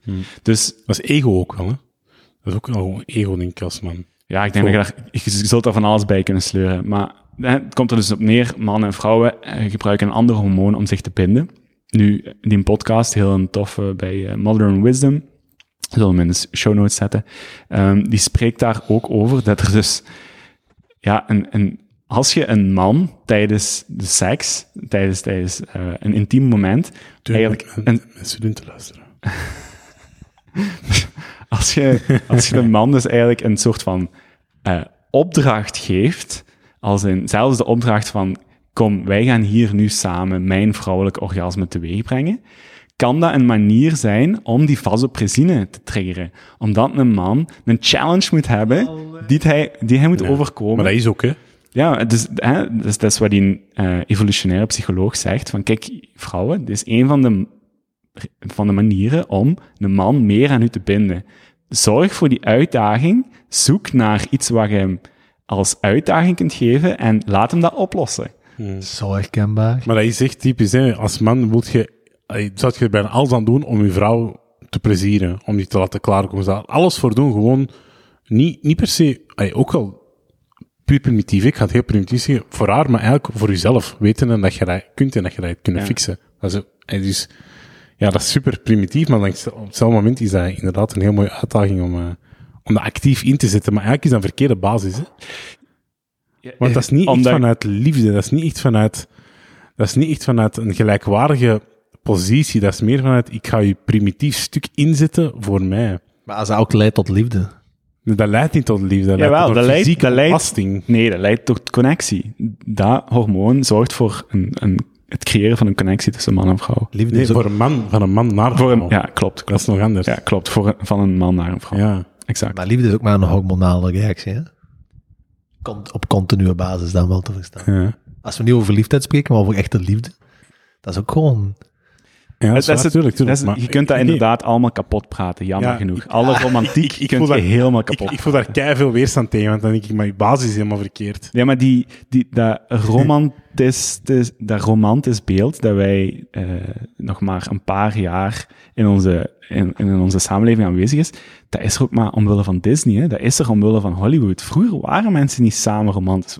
Mensen waren samen omdat dat, omdat het de gemakkelijkste manier was om een gezin recht te houden. En daarnaast poepte jij nog hier en daar achter de kerk, maar de hele beeld van, oh, we zijn voor altijd samen, en dat is, dat is, vrij, eh, dat is vrij recent. Nu, Dat is nog altijd op... Allee, ik denk dat we nog altijd een minderheid zijn vandaag de dag ook, hè? Allee, In romantiek is iets heel westers, hè? Is iets heel Amerikaans, dat is iets heel Europees. Allee... in- Monogamie, monogamie is toch heel universeel? ja, een huwelijk. Maar wel, dat is toch universeel? Ja, dat wel. Dus dat, moet, dat gaat wel Of- veranderen. Ik denk dat, dat dat dat gaat veranderen met de tijd. De monogamie gaat eruit gaan. Mogelijk. daar heeft hij inderdaad ook er enkele stevige Ja, argumenten voor Dat in de gaat er podcast. wel uit, maar dat gaat Ja. heel lang duren. Nu, er zat nog iets heel engs en lugubers tussen. Ehm, dus het onderzoek ging als volgt. Ehm, ze pakten een man en een vrouw en ze toonden die vrouw eigenlijk een aantrekkelijke partner en ze zei, kijk, deze, deze, deze gast, eh, die zou graag seks met u hebben. En ze zien eigenlijk op dat moment, die vrouw lag onder een hersenscan, dat wanneer dat ze die foto toonde, ehm, dat het eh, hersendeel geassocieerd met intimiteit en liefde oplichtte, wanneer dat ze die foto toonde. En dan deed ze hetzelfde bij een gast, maar die gast had wel specifiek, ehm, die was veel porno aan het kijken. Dus die, die, die keek op regelmatige basis porno. En er is een zegswijze, je hebt twee soorten mannen, mannen die porno kijken en mannen die liegen. Dus, ja, maar dat is echt, want er is zelfs een, er is zelfs een probleem. Ze kunnen geen studies rond porno-onderzoek doen, omdat ze geen, geen controlegroep vinden. Ze vinden geen groep die geen porno kijkt. Dus ze tonen aan die gast een foto van een aantrekkelijke vrouw en ze zeggen, kijk, die vrouw wil seks met u. En ze merken dat bij een gast niet het hersendeel intimiteit en liefde opricht, oplicht, maar het hersendeel dat geassocieerd is met gereedschappen. Oh, Jesus. Inderdaad. Oh, nee. En heel die podcast is gebaseerd op een tweetstorm, op verschillende Twitterberichten van die evolutionaire psycholoog, die extreem veel uh, commentaar krijgt, omdat hij gewoon soms de gruwelijke, harde waarheid zegt. Maar hij, hij zegt ook in een van die tweets, They don't love you, they are just masturbating with your body. Mm oh. Maar dat is, ja, dat is eigenlijk heel erg, hè? Dat is echt... Uh... Maar wacht, dat is niet... Zijn standpunt is toch niet dat is bij elke vent zo. Dat is bij mannen die extreem veel porno kijken. Exact, exact. Dat is zijn punt. Maar oh, ik, uh, ik, speel, ik, ik, geef, ik geef les aan 500 studenten hè, op een jaar, op jaarbasis. En 98% is daar een vrouw van. Hè, of vrouwelijk geslacht. En ik doe met hun bijna altijd zo over de grens. Zo, dat ik zeg, ga naar links als je uh, je slecht voelt. Ga aan de linkerzijde staan van de klas. En ga naar links als je van Antwerpen houdt, als je van voetbal houdt. En ik stel ik bouw dat op en ik stel gradueel de vraag. En op een gegeven moment, als er veiligheid is, zeg ik, stap over de lijn als je porno kijkt. En je ziet eerst iedereen kijken. En uiteindelijk, en sommige vrouwen gaan dan heel snel naar daar. En uiteindelijk staat zo goed als iedereen, misschien blijft er één of twee maximum aan, aan de rechterkant hangen. Maar iedereen stapt over. Dus ik ben dan vooral benieuwd van hoe dat vrouwen dan ook worden beïnvloed dan door pornografische spelen. Want even hoe doen vrouwen dat ook. En is dat nog meer een taboe dan mannen. Wij gaan er al vanuit dat mannen het allemaal doen. En ze liegen daar misschien nog over, maar in het algemeen praten vrouwen er al helemaal niet meer over. Hmm. En, is dat, en mogen we er zelfs niet vanuit gaan dat vrouwen porno zien. Terwijl dat 98% van mijn studenten dat allemaal zien. Dus ik vind dat, dat wel heel boeiend. En ik wil wel weten, wat is het effect daarvan? Dat, ik zit daar constant mee bezig. Allee, constant. ik zit daarmee mee. ik zit daarmee bezig, omdat dat mij wel interesseert van, wat is het effect daarvan op vrouwen naar, naar mannen? Ja. Nu, dit zijn anekdotes uit een grotere, uit de podcast, uit een grotere studie. Ik ga zeker zelf nog eens luisteren, want hier en daar zal natuurlijk wel wat nuance uh, van toepassing zijn. En ik denk dat het inderdaad overmatig uh, consumptie van porno is, die juist ervoor zorgt dat je, dat je vrouwenlichamen meer als een tool gaat zien. Ja, um, maar ik denk dat dat in een andere richting ook is. Mogelijk, ja. Mogelijk. Ja, ik, zo erg. Ik vind dat, ik vind dat, ik vind dat problematisch. Ik vind dat echt... Uh... Ja, het probleem is dat we niet gemaakt zijn om zulke gecondenseerde, hoogstimulerende beelden of, of ja, het is niet enkel porno, gesuikerde dranken, uh, vettig eten. We zijn er niet voor gemaakt om dat in zulke concentraties te consumeren. Maar dat is toch wat Naval zegt? De grootste, vroeger was ons grootste uitdaging altijd uh, overleven, genoeg calorieën, genoeg warmte, genoeg juist, juist die ene seksuele partner vinden waar je je dan mee kunt voorplanten. En nu leven toch gewoon in een, in een, in een tijd waarin dat de uitdaging van iets of wat uh, ontwikkelde maatschappij vandaag is gewoon zien dat je niet juist gecontroleerd wordt door de overdaad aan prikkels en de overdaad aan calorieën. En, mm. en dat, dat, de, dat is de grote uitdaging van de 21ste eeuw. Hè? Maintaining focus. Maintaining focus, controlling focus. Ja. Ik, weet, ik ga misschien zo'n onpopulaire uitspraak doen, maar en mijn studenten mogen dat weten, porno doet mij niks. Dat interesseert me echt voor geen bal. Dat is echt, oprecht niet. Dat doet mij echt niet veel. Ik heb dat nooit interessant gevonden. Ik, natuurlijk heb ik dat bekeken, maar dat doet mij niks. Dus jij behoort dan tot de categorie die ligt, of wat? nee, die, oprecht niet, want ik zal er eerlijk over zijn als ze mij iets zou doen, maar dat zegt me echt niet veel. Dat is nooit geweest. Nooit? Nee, dat is, als je jong wordt wel, is dat zo ontdekken van prikkelt u dat, maar sinds dat ik zo ouder ben en ja. Ik moet... Ja, dat is heel raar om te zeggen, maar dat, doet mij echt niet veel. Dat we dan toch open zijn uh, op te tonen. Zie iemand aan het, aan het pikken? Ja, ik denk ja. Uh, ik, um, ik, ik heb zo vrij vroeg ervaren, ja. omdat ik zijn vrij vroeg, denk ik, allee, vroeg denk ik als, uh, allee, ik ben tien jaar geleden zo wat begonnen met meditatie en mindfulness, hè? En dat is ook het eerste jaar dat ik op een nieuw zat. Ik hoopte al dat je dit verhaal ging vertellen. het eerste jaar op Unief was ook het eerste jaar dat de Ben in de computer had, zonder enige andere mensen control. ja, in het huishouden. Dus Ehm, ja, bon, eh, ik kan, eh, ik kan eh, de rest niet invullen. Maar ik... eh, Ah, ik- hoe, wat gebeurde er dan? ja, fuck off. En eh, ik... ik, ik eh, ja, na een jaar, ik heb dat echt zo ervaren van... hmm, dat voelt niet goed. En dat, was, dat ging gelijk met naarmate dat ik meer met die meditatie bezig was en meneer, meer zo kon beginnen luisteren naar mezelf en wat er van binnen allemaal omging en wat er gebeurde of hoe dat ik me eigen voelde in bepaalde eh, omgevingen of in bepaalde settings. Eigenlijk gewoon meer in gewaarwording met jezelf. Hè, dat is hetgeen wat meditatie doet in die end. Hè. Dat weet jij nog waarschijnlijk nog veel beter ondertussen als ik. Ehm, en eh, ja, toen heb ik dat eigenlijk ook al beginnen aanvoelen. Puur proefondervindelijk van, hmm, maar nou moet ik ermee oppassen. Dat is zo dat. Zo dat. Ja. Dat stemmetje dat van achter zei, oeh, dat is iets te leuk. dat is iets te, dat is gevaarlijk spul. Zo dat. en eh, ja, dat is, ik, ik, ik geloof dat. Ik denk dat heel veel mannen zich daar ook ergens in kunnen herkennen. Dat je zoiets hebt van... Oh, Ja, ja. oh wat, wat is dit? Wat heb ik nu weer gekeken? Of, of hoe voel ik mij nu? Ja, Hè? ja. Ze hebben daar zelfs zo'n woord voor. Jonas gebruikt toch graag. Post-nut clarity. Post-nut clarity, inderdaad. Maar dat is erna pas. Ja, ja. Ja. Maar ik, ik heb dat ervoor. Eh, eh, ja. Dat is waarom dat jij geen mindfulness nodig hebt. Oké, ja, maar daarna, ja, daarna kan dat. Maar het is gewoon puur omdat jij in testosteron zit, hè, dat jij gewoon niet helder kunt nadenken op dat moment. Hè. Je hebt gewoon constant nut clarity. ja, blijkbaar. Dat is een soort van, eh, een soort van awakening eigenlijk. Ja, dat is goed. Een enlightened being. Maar, dus jij hebt dat eigenlijk helemaal niet binnen. Je hebt dat daarna pas. Je hebt post-nut clarity. Ik, eh, ik, oh, ik wil deze niet vertellen als je dat dan niet, hè? Nee, Maar niemand ah, luistert. Fuck off. Wat zou je niemand luisteren? Ondertussen op de meest random momenten kom ik er al achter dat er mensen Niemand, niemand komt tot hier. Nee, nee, nee. Ik, eh, nee, ik, ik, ik sluit me daarbij aan. Ik, eh, ik denk dat dat... En ik heb de laatste maand al dikwijls gedacht, hè. Oh, die gastjes van de laatste twee jaar. 6 maar 14, 15 jaar in februari, maart 2019, hè. Eh, 20. Ja. Hè, je mag de eerste keer op stap gaan. Je kunt de eerste keer zo wat gaan verkennen. Is het op een vuif? Is het, ik weet niet dat dat in Antwerpen was, bij ons in de camper was dat van die tentvuiven, hè, of eh, het Giro-lokaal.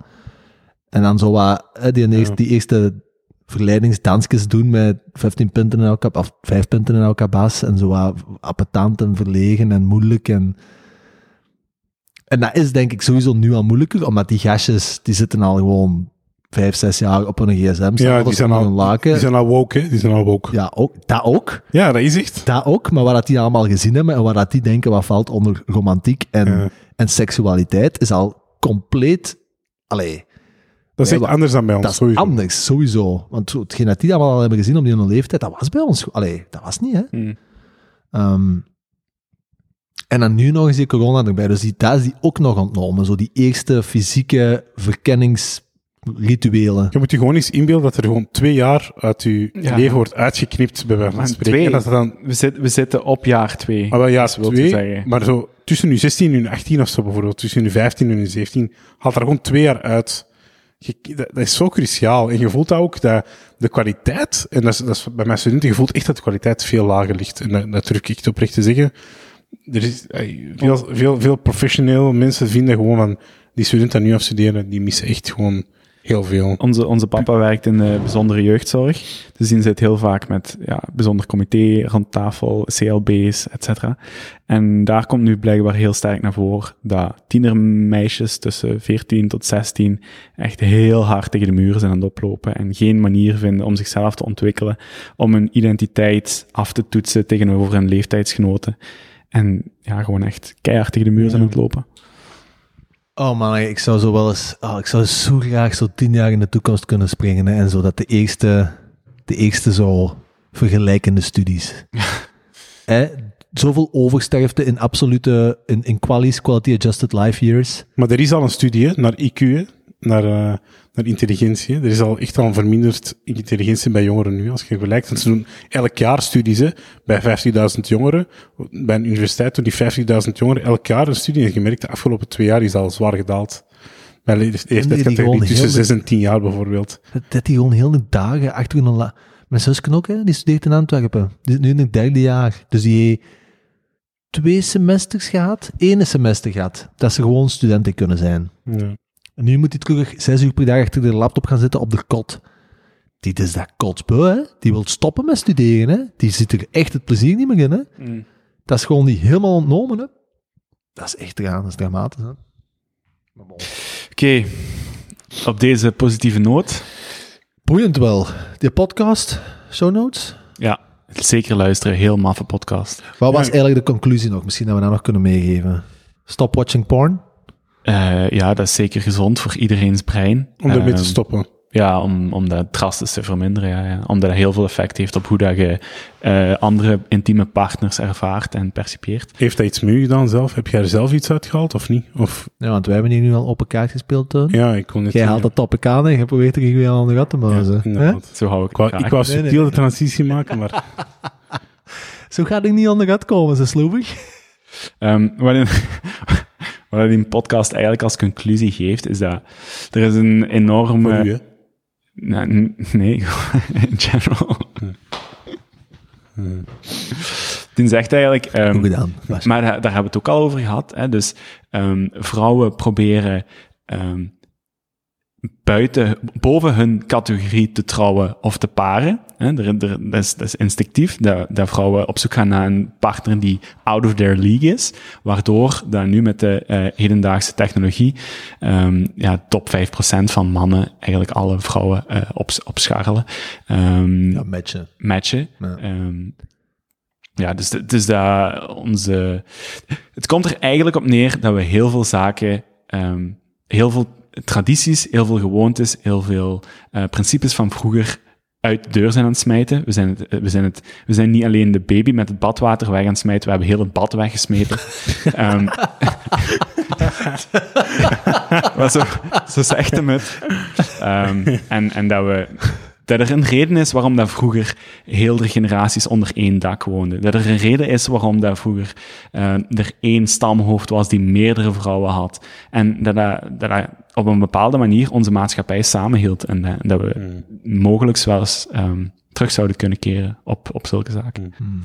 Maar dus, jij, Wat? wat ga jij persoonlijk veranderen nadat je dat hebt gehoord? Eh, niks. niks. Benny... Heb je eigenlijk internetontvangst in die camionet? Nee, maar Benny en Teun, even in naam van alle jongeren die dan nu 18, 19 jaar zijn, ja. en van de gasten, laat alsjeblieft een beetje over voor die gasten. Oké? La- laat een beetje over voor die gasten. Ja. Ik, ik, sorry. Top 5% is met alle verhalen aan het lopen. My Dus. Oké. laat gewoon klein. Oh, volgende vraag. Hier, hier eens worden ze bescheiden, hè? Ja. Ehm Heb jij nog iets leuks gehoord? Ah ja, je hebt, juist Keanu... eh, Ik heb Keanu- keihard gebouwd over Keanu, Keanu ik heb de Reeves. rest niks te, niks te zeggen, denk ik. eh. Penny. Hit it. ik ken nog een goeie. From the back. Ik heb de afgelopen weken gigantisch genoten. En het is precies Hollywood-aflevering van de Junto. Maar bon, eh, het is nu eenmaal zo. Eh het is toeval. Ik heb echt gigantisch genoten van de autobiografie van Will Smith. Dus Ah ze, ja, ligt, ze ligt hier naast Is dat. Will? Is dat die? Ja, Ah, ja. dus voilà, kijk, mooie cover. Hè? eh, altijd om een cover te laten zien op een podcast. Ehm, ja, dus ik, eh, ik, ik zag op YouTube, eh had de Will zo een paar weken geleden, die had zo, een paar maanden geleden had hij zo'n foto gepost van zijn, zijn blote, eh, met zijn pens. Ja, dat dat hem zo, dat hem zo, is. Nee, dat hem, ja, eerst al hem heel dik. Dat hem, Ja. zei, dit- hè, dat hem zo liet zien van, dit is het minst fysieke in shape dat ik zijn geweest ooit. En had hij daar zo'n foto van gemaakt en op Instagram gezet en zet, en nu ga ik daar de komende, ik denk dat hem zei zes maanden of Ja. zo, ga ik in de beste shape van mijn leven komen.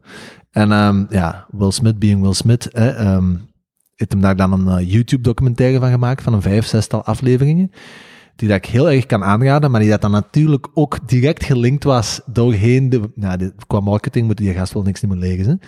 In die zes afleveringen zijn er dan zo geanimeerde stukjes over zijn autobiografie, die dat dan ook die dag dat dat uitkwam gelanceerd werd. Ehm is geschreven samen met Mark Manson, Ja. dus een auteur van eh, Subtle Art of Not Giving a Fuck. Ehm, eh, een, eh, een boek ook over daten. Het is een eerste boek, Models. Ik wist dat niet. Ik ken een, eh ik overlaatst pas zien passeren. Is die goed of hè? Je hebt die Zo anti-hookup culture, niet? Ja, ik ben die aan het lezen geweest de laatste week. is heel, is heel interessant. Ja. Ehm, dus ja, dat is een van de meest succesvolle auteurs van de afgelopen jaren. Ja, ja.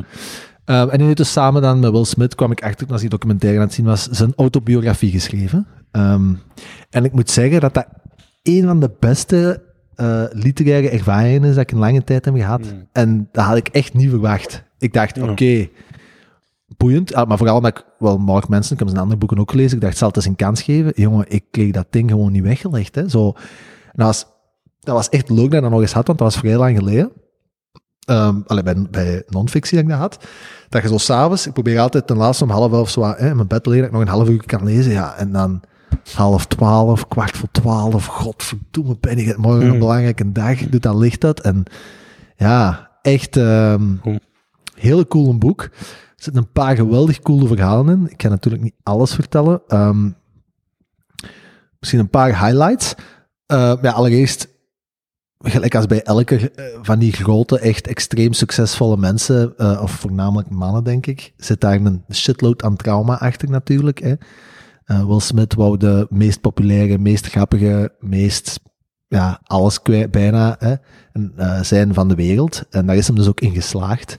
Eh, de waarom dat je dat wilt zijn, dat is natuurlijk een interessante vraag. En eh ja, dat gaat echt, denk zeker een derde van een boek gaat eigenlijk over zijn jeugd en dan de relatie met zijn vader, Ja. ehm, die dat zijn moeder afkletste en, eh, en dat hem dan allemaal heeft gezien.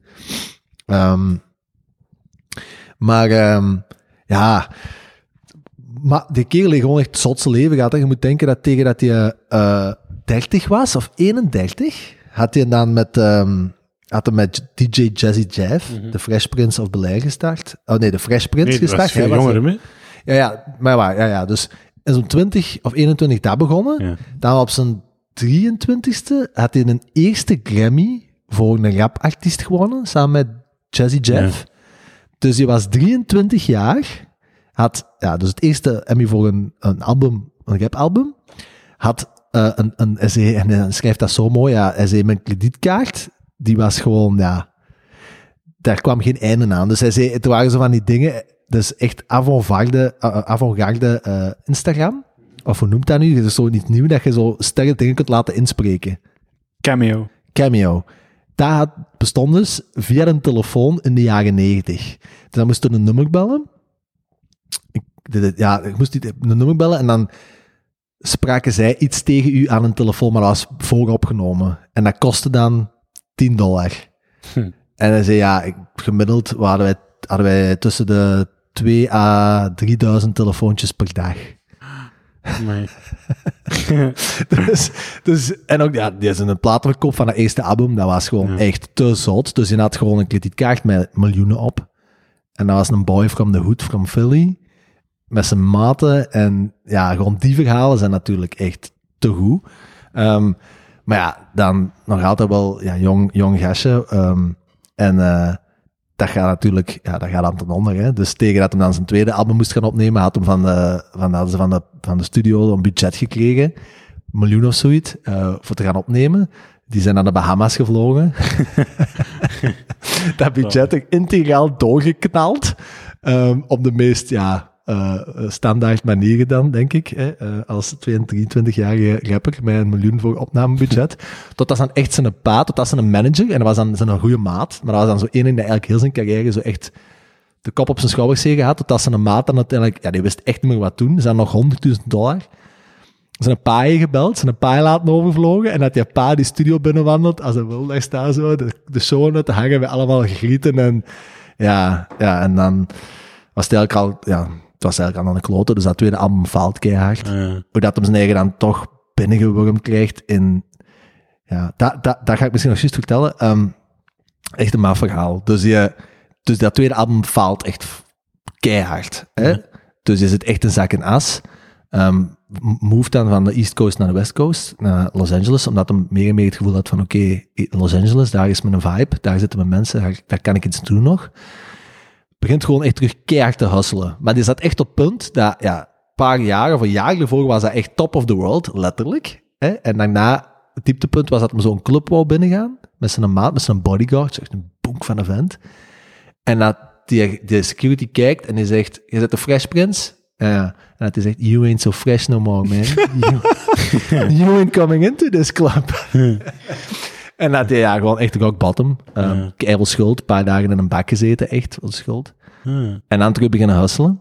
Um, en, en gewoon echt geprobeerd binnen te geraken. Uh, tot als Quincy Jones. Ja, die heeft hij opgepikt. Ken je ja, Quincy ja, Jones? Ja, dat is, dat, is, dat is een ster achter de schermen. Hè. Dat, dat is, een dat held, is hè. niet normaal. Dat verhaal, dat, dat was echt fantastisch. Quincy Jones, dat is de producer van Michael Jackson. Mhm. Denk ik de meest succesvolle producer ooit. Ja. Um, qua verkochte records. En dat is echt zo'n een, uh, een, een, een, een, ja, een stermaker. Mhm. Maar die, die, hoe dat, je dat, die, hoe dat allemaal omschreven, die scène, dat is echt... Ik zat gewoon met zo'n grijns te lezen in mijn bed. Die, die manifesteert gewoon de shit op het moment zelf. Dus je, die had het idee, voor de fresh, die had het idee van de Fresh Prince voor Bel-Air, dat had hij ook bedacht samen dan met een paar execs van de studio. En ze waren op zoek naar hun, hun acteur. En Quincy Jones had Will Smith al een paar keer bezig gezien op podium en horen battelen en funny zijn. En ja, gewoon die, die is een persoonlijkheid. Zo, toen was er nog een lange, smalle wapper. En hij zei, ja, dat is, dat is mijn Fresh Prince. Maar die mannen zeiden, ja, nee, dat is geen acteur, dat is een, een deadbeat Ja. ex-rapper. dat is geen acteur. En hij zegt, nee, nee, nee, nee, nee, nee, ik voel het. Dat, dat is mijn, dat is mijn Fresh Prince. Beetje een debat.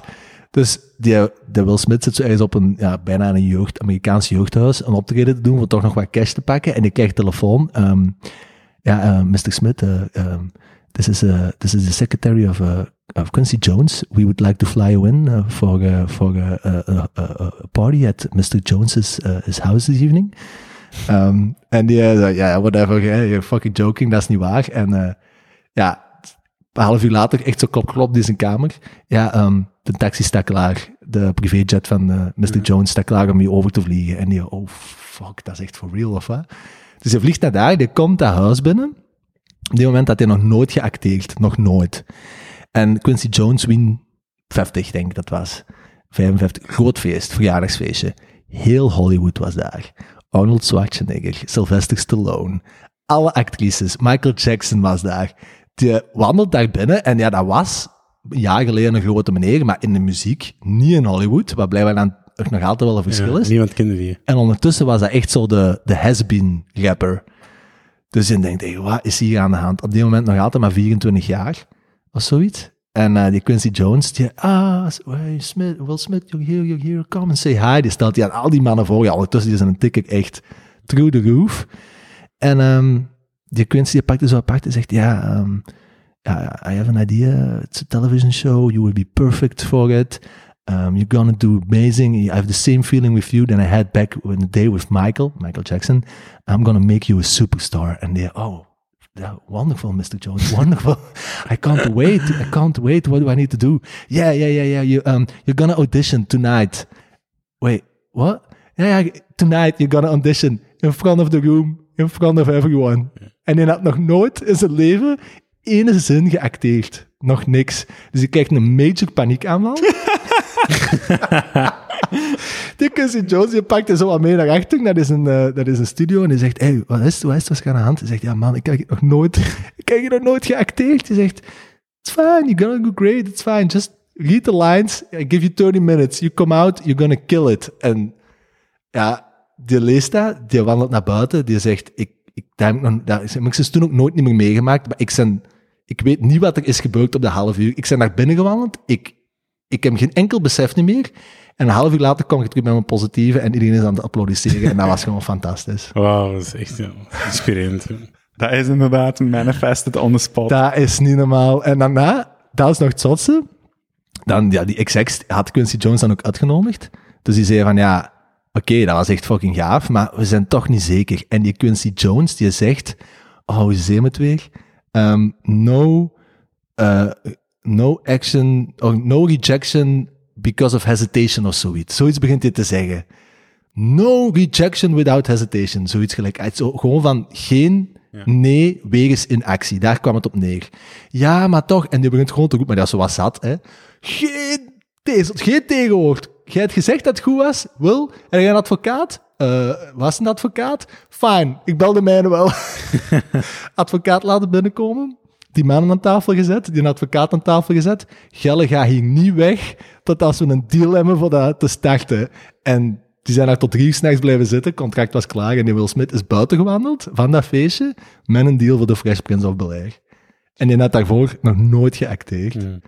Dat is echt, dat is echt zalig. Daarom, ik zet mijn gsm altijd op luid als ik ga slapen, maar niemand belt mij. Oh, je hoopt op Quincy Jones. ik, heb, ik heb gelezen in eh, de morgen dat de Amerikaanse pers Will Smith zo beu was als koude pap. En, eh, want die is al waarschijnlijk ja, 10.000 keer groter als hier. En, en over alle... Ik weet niet met wie dat je dat kunt vergelijken. Koen Wouters of zo. Nee, dat is een grapje. Ik sleur er maar iemand bij. Ehm, maar dus de Amerikaanse pers was Will Smith aan het boycotten omdat zijn verhaal al te vaak verteld was. Ja. Omdat hij te veel interviews was aan het geven. Ja. En ze vroegen gewoon, kom jongens, deze dude is done. Eh, laat hem gewoon zijn voor wat, de- voor wat het is. Eh, stop er niet nog meer tijd in. Wanneer, was- wanneer was dat recent? Ja, een week terug. Echt? Ja, want die is toch vrij recent, die, die Het boek. is net, het is net uit, hè? Die is net uit. Ja, kijk, dat is, dus de Amerikaanse pers heeft er, eh, is, is, is het beu. Allee, jam. Dat is wel zot. Ja, die heeft gewoon zijn eigen mediakanaal. Die zijn... Nee. Ja, hij en, Zot, en, dan ook al zijn dochters en, en zonen, Ja. die zijn dan ook allemaal... Hoe is dat? Jaden en Willow?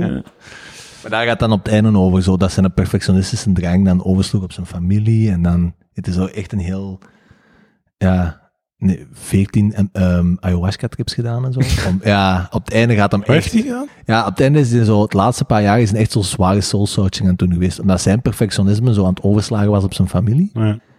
Um, dat wordt ook allemaal uitgelegd. Ik wou nog één ding zeggen. Den dude heeft ook de eh, grootste streak in Hollywood geschiedenis aan elkaar geacteerd qua ehm, box office. Ah, ja. Dus in een negen number one box office films na elkaar gehad. En hij heeft nog nooit iemand hiervoor gedaan. welke zijn er allemaal? Dus in 2002 Men in Black 2, 2003 Bad Boys 2, 2004 iRobot, in 2004 ook Shark Tale, 2005 Hitch, dan 2006 The Pursuit of Happiness, in 7 I Am Legend en in 2008 Hancock. Ja. En dat, die lijst, dus elk jaar na jaar na jaar, in sommige jaren zelfs twee, daar heeft nooit iemand hem geëvenaard. Mafketel. Echt zot. Heel goed boek. Ja. Alright. Volgende Ehm, vraag. welk nieuw verhaal heb je recent horen vertellen dat goed is om aan te brengen in een conversatie? Hmm. Ja, je hebt nu geswitcht, hè? Ik Ja. zag daar, ik zie nog die CC versus CCO. Ja, CC versus CCO. Maar dat is, dat is NFT's en crypto. Mm, Mag het? mag zeker.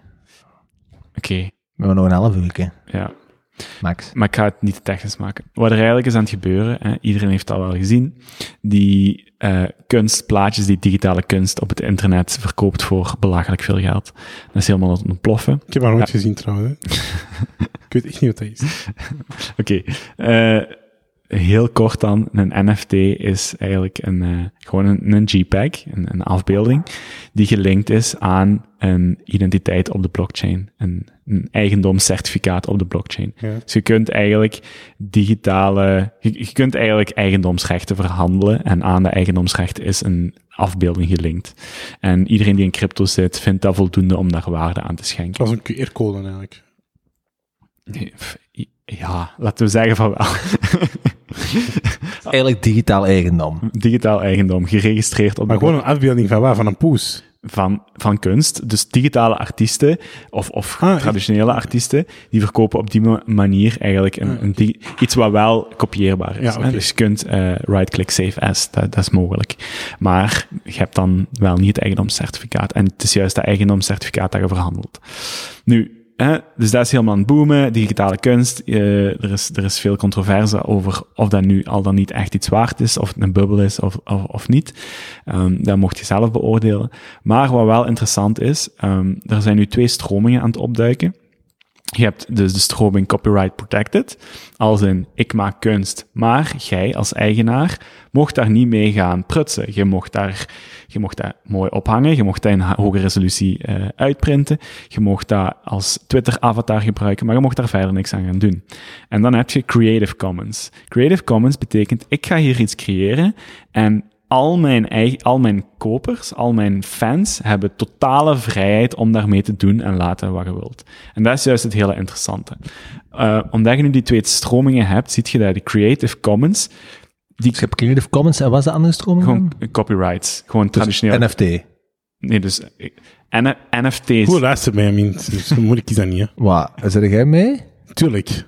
Wat is het verschil tussen Creative Commons en Ah, wel, dus die copyrights, je mocht daar niks mee doen. Dat blijft gewoon het is. Creative is, wordt gepubliceerd en je mocht, daar, je mocht daar zo flexibel in zijn als je wilt. En dat is, dat, hoe meer, hoe beter eigenlijk. Exact. Iemand, Jesus Iemand brengt een NFT uit, die is ofwel copyright protected, ofwel Creative Commons. Creative Commons betekent, fans mogen aan de haal gaan en creatief zijn. Ja, dus, wat gebeurt er nu? Hè? Iemand lanceert gepixelde kikkers. Dat is een Creative Commons project. Dus iemand anders mag die creative kicker, of die gepixelde uh, kikker, opnieuw gaan publiceren op de blockchain. En die noemt dan, uh, in dit geval noemen die kikkers toads, uh, de padden. Toads, but turned 15 degrees. die draait die 15, die draait ieder plaatje 15 graden en die zet dat terug op de blockchain. Dat wordt opnieuw verkocht. Opnieuw gemint. Opnieuw gemint. En hoeveel gaat dat ja. de prijs Uiteraard gaat dat niet aan dezelfde prijs over de toonbank als, als de originele Toad. Geniaal. Maar die Creative Commons, die gebruiken eigenlijk de hedendaagse meme culture. Memes zijn, zijn, zijn de wapens van vandaag. Op crypto Twitter wordt er gezegd, seize the memes of production. Dat is, dat is een slogan. Dus die, je ziet dat al die NFT-makers uh, die Creative Commons doen, dat die echt heel die, heel die fangroep springt daarop, die beginnen arcade games te maken, die beginnen sokken te printen, die beginnen daar 3D-avatars van te maken. Dus die, die schakelen gewoon een gigantische marketingcampagne in. Er zijn mensen die rap-songs beginnen te maken in ruil voor een kikker. Dus je ziet heel snel van, ho, dat Creative Commons werkt super schitterend in een, in, in een digitale maatschappij waarin dat iedereen online zit en iedereen weet hoe dat ze met Photoshop moeten werken. Nu, Adidas heeft zijn eerste moves gemaakt. Adidas doet een collab met Board 8 Yacht Club. Wat is dat? Board 8 Yacht Club zijn die aapjes die je zelfs al in de, het laatste nieuws hebt gezien, of in, in de morgen. Dat is de, momenteel, samen met de CryptoPunks, een van de twee, dat zijn de twee grootste NFT-projecten, dat zijn de blue chips. Dat zijn de, de allerbeste die we hoogstwaarschijnlijk niet in, in waarde zullen zakken. Of voorlopig toch niet in waarde zullen zakken. Dus dat, dat is een ja, hoe moet je dat vergelijken? Dat is alsof dat je een, alsof dat, um, alsof dat je met Gucci zit aan het samenwerken, alsof dat je met Louis Vuitton samenwerkt. Dat is, dat soort van kaliber projecten. Dus Nike, uh, Adidas zegt, wij gaan samenwerken met Board 8 Yacht Club. En binnen Board 8 Yacht Club is er, is dat nu Creative Commons of niet? Uh, ja, dat is Creative Commons, dus daar kan iedereen mee aan de haal gaan. Hè? Daar, daar zorgt die fanbase voor extra content. Nu heeft Nike zijn move gemaakt. En Nike komt binnen en Nike zegt van kijk, wij gaan niet samenwerken met een NFT-groep. Wij gaan die gewoon rechtstreeks opkopen. Dus nu, Nike heeft uh, Artifact opgekocht. Wat doet Nike? Nike zegt, iedere keer als jij nog een artefact wilt doorverkopen, moet jij voordat je die doorverkoopt, de toekomstige aankoper een contract laten tekenen. Dat hij niet met die IP aan de haal kan gaan, dat hij zijn NFT niet kan gaan opdelen en er allerhande creatieve leuke dingen mee, kunt, mee mag gaan doen. Dus je ziet dat er echt een... Een smart contract? Uh, ja, als je een NFT gaat fractionalizen en je verdeelt het dan over verschillende mensen, dan doet je dat via een smart contract. Maar dat zijn niet de smart contracts waar ik het nu over heb. Ik heb het nu echt over de, de kleine lettertjes die Nike aan de NFT's die zij in hun brand willen opnemen toevoegt om eigenlijk IP te beschermen, eh, copyrights te beschermen, waar Nike altijd heel goed in is. Ja, ja, maar ik bedoel, die, dat contract, is dat, Nee, dat is, dat is geen, smart contract. dat zit niet op de blockchain. Nee, dat zit is niet. echt gewoon een Dat is echt gewoon... teken dit papier dat je je JPEG niet mocht Ja, stuur deze PDF naar de volgende aankoper op OpenSea, om dan... Dus dat slaat op Dat niks. slaagt op Dat niks. slaat absoluut op niks. the fuck? dus het, het is heel interessant dat je nu... Ze snappen het gewoon. Nee, ze, en, ja, snappen ze, ze, hebben Artifact gekocht, dat is een heel slimme move. Hè? Die prijzen gaan door de lucht. Je ziet dat alle grote brands een, een, een, een stap moeten zetten. Iedereen, ze, ze werken van, oké, de metaverse en NFT's en crypto, dat is zo aan het ontploffen. Als we daar nu geen stap in zetten, dan zijn we straks te laat. Maar je ziet dat ze allebei in een spagaat staan van, wat is nu de juiste manier om het aan te pakken? Ga ik ga ik litigaten, ga ik alles mooi controleren en, en mijn verhaal poetseren en, en zo juist naar buiten brengen dat Het is niet goed, hè. inderdaad Disneyfyen, hè, wil ik het helemaal onder controle hebben, of ga ik voor de, de crypto-native eh, aanpak, mijn, mijn, mijn ecosysteem wordt gedeeld met mijn fans. Zij, zijn, zijn, zij maken deel uit van het risico, maar deel, ook deel van de winst. En, en ze mogen er zelf mee aan de, haal, aan de haal gaan. Dus dat is heel interessant om nu te zien hoe, de, hoe dat die twee ja, stappen zijn aan het zetten en dat strategisch zijn aan het, eh, aan het uitspelen. Boeiend, man. Ja. Ça va, Jozef? Ik weet niet, ik vind dat zo... Ik ben aan het denken dat ik mijn hummus morgen ga maken. Nieuwe baba ganoush. En mijn baba ganoush. En deze is gewoon... Dat is echt... Dat is heel graaf. Maar ik vraag me af, wie houdt zich daar in godsnaam mee bezig? Wie? De laatste maand. Nee, maar Non-stop. Is dat echt iets dat hier leeft? Iedereen die meer dan tien uur per dag achter de computer zit, die, die, die leeft daar, ja. Die, die Ik is vind dat absurd. Ik vind dat zelfs zot aan een bedrijf zoals... Eh, Maar dat, de- welk welk bedrijf? Nike? Nike, Adidas, ja. Dat die daar... Maar je moet denken dat, dat- de technologie daarachter is wel echt revolutionair hè, op sommige vlakken. Jij kunt... Oh, nee, kijk, simpel. Met een pdf tekenen maakt er dan toch eens een, een deftig bindend contract van. Ja, als jij dat, dat... is juist het punt, hè.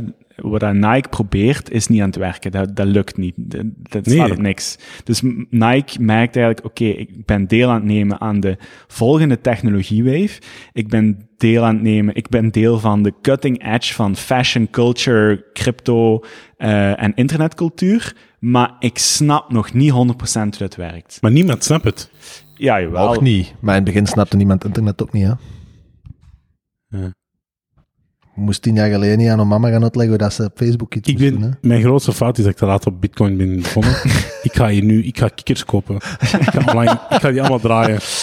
wat ik heel hard het gevoel heb, ook als ik in die sollicitatiegesprekken zit en als je daar zo'n maand echt mee bezig zit geweest, als in gewoon 24-7. ehm, en dan heb ik het niet over handelen. Hè. Ik handel niet, hè, voor de zekerheid. Ik ben gewoon bezig die cultuur aan het observeren, aan het kijken wat er, wat er gebeurt. Ik ben niemand die verkoopt en, en aankoopt. Eh, ehm, dus je merkt gewoon van, oh, oh, ah, dit is hoe dat voelde voor de geeks in Amerika in 1998, toen ze door hadden wat het effect van het internet zou zijn. Dat gevoel heb ik nu heel hard. Als ik daarin zit en, en zie wat er allemaal mogelijk is en, en de constructies die je kunt opzetten, dat is maf. Ik ga, ik ga proberen een, ehm, een praktijkvoorbeeld dat ik recent heb mogen zien, dat ze nu aan het lanceren zijn, wat misschien een eh, idee kan geven van wat dat daar bijvoorbeeld in de praktijk van positief voor de gemiddelde Vlaming van kan Ja. eh, uit voortkomen.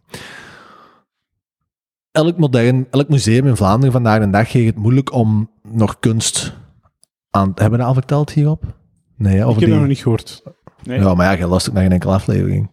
Nee? Ja, fra- hè? fractionalized. Ja, ja, maar dat we dan het, het, museum van schone kunst waren en zo, dat we dat zijn, hebben we nog niet verteld. Nee, Nee. Dat je erheen zit geweest, dat je, erheen wou gaan wel. Dus elk, bijvoorbeeld het Museum van Schone Kunst, dat gaat binnenkort geopend volgend Ja. jaar hè, in Antwerpen. Ehm, dus een paar weken geleden was daar een crypto-event. Ehm, ik, via een maat en komen ik daar naartoe, naartoe kunnen gaan. Wat hebben ze daar voorgesteld? Ehm, dat schilderij moet, dat, dat museum moet natuurlijk gevuld worden met kunst. En liefst zo goed mogelijke Ja. kunst, dat zoveel mogelijk mensen daarvan kunnen genieten. Het probleem is vandaag, ook zeker na corona, eh, de Vlaamse en Belgische overheid, overheid heeft niet meer zoveel budget om nog te gaan spenderen aan kunst. Maar dat, dat, dat museum moet wel gevuld worden. Die hebben een bestaande collectie, maar die willen natuurlijk ook wel dat die collectie uitbreidt, vernieuwd, Ja. omdat hè, mensen daarvan willen genieten. Ehm, komt daarbij dat ja, niemand kan nog gewoon op zijn spaarrekening geld verdienen. Hè?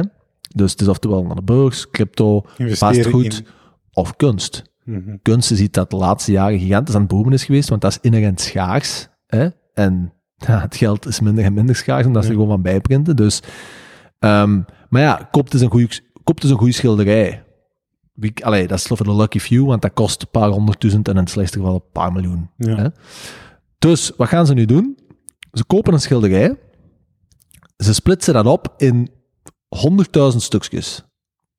Ik zeg maar iets, hè? Ik zeg net dat het juiste Niet fysiek, hè? dus fysiek. Niet fysiek, hè? digitaal. Ja. Digi- dus ze maken daar een kopie van, splitsen op 100.000 stukjes. En die stukjes zetten ze op, de, op een blockchain. En dan kun je die stukjes per stuk gaan verkopen. En je kunt dus, en dat zijn ze dus nu effectief aan het doen, vanaf volgend jaar voor, ik denk dat het 25 euro was, kun je een stukje kopen van een schilderij dat effectief in het Museum van Schone Kunsten hangt. En dan zijn er 100.000, 99.999 andere eigenaren van dat museum. Je gaat natuurlijk niet elke dag dat museum, dat schilderij van de muur halen, transporteren en bij iemand anders in de living gaan hangen. Dat is niet te doen. Nee. Dus, wat doen ze dan? Ze hangen dat Museum van Schone Kunsten. Digitaal. Dus met Nee, het, fysiek. effect- het effectieve... Het effectief, Dus het effectieve hangt daar. Maar- en jij hebt een, een eigendomsrecht Ja. van 1 honderdduizendste van dat schilderij. Maar ze gaan dat schilderij ook niet in honderdduizend stukjes kappen en dan je dat stukje aan u geven. Dat is ook te zot. Ze maken daar een kopieke van. Ze zetten dat 100, die honderdduizend stukjes zetten ze op de blockchain en ze geven u één stukje van die blockchain. Maar dat is digitaal eigendomsrecht van dat schilderij. Mhm. En dan kun jij mee gaan genieten van de meerwaarde dat er van dat schilderij gaat gebeuren. Hmm. En dat gaan ze bijvoorbeeld ook doen met vastgoed. Met een boerentoren, hoogstwaarschijnlijk. Dus dat gaat... De, Alles gaat verkocht worden. Alles gaat gefragmenteerd en verkocht worden. en dat gaat niet voor dat die technologie er was. Want stel je voor dat de notaris 100.000 eh eigendomstransacties moest gaan doen of, of lezingen moest gaan doen om dat allemaal eh, administratief in orde te gaan maken of dan de interesten te gaan uitbetalen of de meerwaarde te gaan bijhouden. Dus je kunt dat niet doen zonder dat er een technologische innovatie zoals een digitale blockchain eh, naar voren is gekomen. Dus dat soort van dingen gaat er wel voor zorgen dat er heel veel assets, assetklassen, eigendomsklassen, gewoon meer toegankelijk gaan worden voor de gemiddelde mens. Wat er zo voor zou moeten gaan zorgen dat mm, de inkomensongelijkheid daalt in die end. Wat supergoed is, hè? Omdat je toegang krijgt tot dezelfde middelen als anderen, als, als rijkeren, in kunnen investeren. Niet in dezelfde hoeveelheden. Hè? Een, een miljonair die koopt gewoon dat schilderij. Ja. Maar wij als gewone mensen, we kunnen dezelfde prijsstijging, daar kunnen we mee van genieten. Geniet van, Ja, m- maar niet dezelfde hoeveelheid natuurlijk. Dat is toch cool? Dat klinkt heel cool. Ja. Het, het mooie Het aan... is wel heel toepasbaar en zo. Ja. Ja, ik weet niet. Ik vind dat zo soms te ver gezocht of zo. Ik niet. Ik denk, er zijn zoveel andere dingen waar we ons kunnen focussen. En dan gaan we kunst investeren. Dat is het laatste wat ik, wat ik zou doen. Dat is zo niets dat ik direct zou doen. Maar ja, Ja, iedereen ik zit snap- anders in elkaar ja. en, en sommige mensen zijn dan aangetrokken om met computers en bits en bytes te gaan werken en die proberen daar hun, hun talent in kwijt te kunnen. En dan krijg je inderdaad dit. Anderen die trekken naar een, een, een plek waar dat er nood is en die gaan eten uitdelen of, ik, of voel, zorg. ik voel dat wel. Ik voel dat concept heel, heel hard. Maar denk ik, eh, leeft dat hier al? Nee, dat is, dit is toch... Fucking, we zijn fucking early. Dat is echt heel vroeg. Dus hè. dit is gewoon het begin van het begin. Dus als ja. we nu allemaal stukken schilderij kopen, dan gaan we hetzelfde als de bitcoin hebben, gaan wij ook. ja? Ga- Ja, het schilderij dat hier nu, waar, we die, waar we van die receptie van zijn geweest, dat was het eerste keer dat dat ging gebeuren in Europa, denk ik. Ah, ja. Ja, die zijn inderdaad first mover. Ja. Dus als je daar van dat schilderij een stukje koopt, is de kans groot. Als je dat bijhoudt, heb je een stukje geschiedenis. Hè?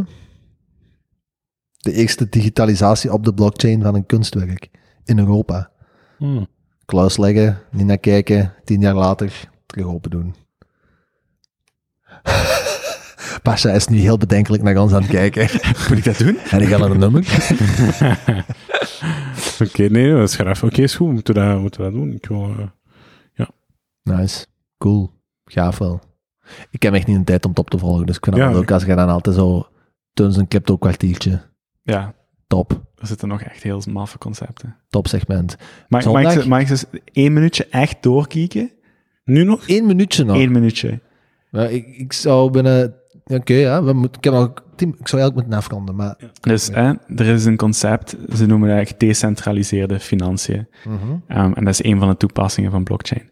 Maar dus, probeer mij te volgen. Hè. Dus je, je, ik ga nu zeggen bitcoins. Je koopt bitcoins, je zet die bitcoins vast om daar rente op te krijgen. Hè. De, je moet die vastzetten om bijvoorbeeld het bitcoin... Ik, je hebt ethers, je hebt Ethereum. Je zet Ethereum vast, je steekt dat. Dus je zet dat vast om daar rente op te krijgen. Je zet dat vast om het netwerk daarmee te ondersteunen. Je beveiligt daarmee het netwerk door dat, door dat vast te zetten. Er zijn nu systemen waarbij dat je die ehm, kunt vastzetten, maar alsnog een token in ruil krijgt. Dus je blijft eigenlijk, je tokens, die blijven liquide, die blijven verhandelbaar. Je kunt die gestakte ethers dan terug gaan wrappen in een andere token. Die gerapte, gestakte ethers kun je dan in een leningsprotocol onderbrengen, waar dat je die over-collateralized, dus je geeft die als onderpand, hè, en tegen dat onderpand kunt jij een stablecoin uithalen, uit, uittrekken uit die lening. Dus je krijgt eigenlijk een, een coin die gepakt is aan de euro's, die gelinkt is aan de euro's, die kun je daar uittrekken. Dus dat betekent dat je 150% onderpand moet geven om 100% eh, eh, stablecoins eruit te halen. Dus dat zijn allemaal Lego-blokjes die je zo mooi op elkaar kunt gaan, gaan linken en gaan, gaan bouwen van verschillende protocollen die ergens gedecentraliseerd op de blockchain staan en allemaal afzonderlijk met elkaar, of perfect met elkaar samenwerken. Nu, dat is natuurlijk een toren, hè. Als er ergens iets Ja. in fout loopt, dat stort helemaal in elkaar. Maar, omdat dat in code geschreven staat, draagt jij de verliezen en niet direct iemand anders. Dus het is gewoon zo, zo maf. Dus, om het een beetje misschien meer testbaar te maken, was dat een shitload aan jargonnen. Vandaag heb je 10.000 euro op de bank staan, dat brengt geen kloten op. Je koopt met die 10.000 euro een cryptomunt, je zet die vast. Je zet die vast. Je zet die vast, gelijk als dat je een, een, een, een Vast, obligatie, ja. een obligatie zou Ja. kopen van zoveel jaar geleden. Pak daar rente Het op. probleem is dat, als dat dan vast zit, ja, je kunt niet meer aan geld. Ja. Met dat soort van cryptofoefjes kun je eigenlijk je 7 of wat is het 7, in sommige gevallen 20% rente pakken op hetgeen dat je hebt vastgezet. Ja. En dan doe je die, die cryptofoefjes of crypto-magie. En uiteindelijk krijg je geld toch nog gewoon en kun je toch nog meer gaan uitgeven. Ja, je kunt, je kunt zelfs met dat geld dat je terug uit die lening draait, Terug investeren. opnieuw die tokens kopen. Ik zie het Om- helemaal voor mij. Maar dat is natuurlijk, dat zijn een soort van constructies die in 2008 Ik wou het juist zeggen. Weet je, dit is me heel erg denken aan die scène in Ja, The Big. Short. Als je dit allemaal op begint te stapelen en, en er loopt ergens iets fout in heel die keten, ja, dat stort helemaal in elkaar natuurlijk. Ja. Dus dat is gevaarlijk, maar het is wel mogelijk. En, En daar zit geen enkel wetgevend orgaan achter. en dat is allemaal gedecentraliseerd. Ja, dat is exact. En voordat je het weet, is aan het triljoen aan waarde. En klets! ja, ja, dat is waar. De boel kijkt in elkaar. Exact.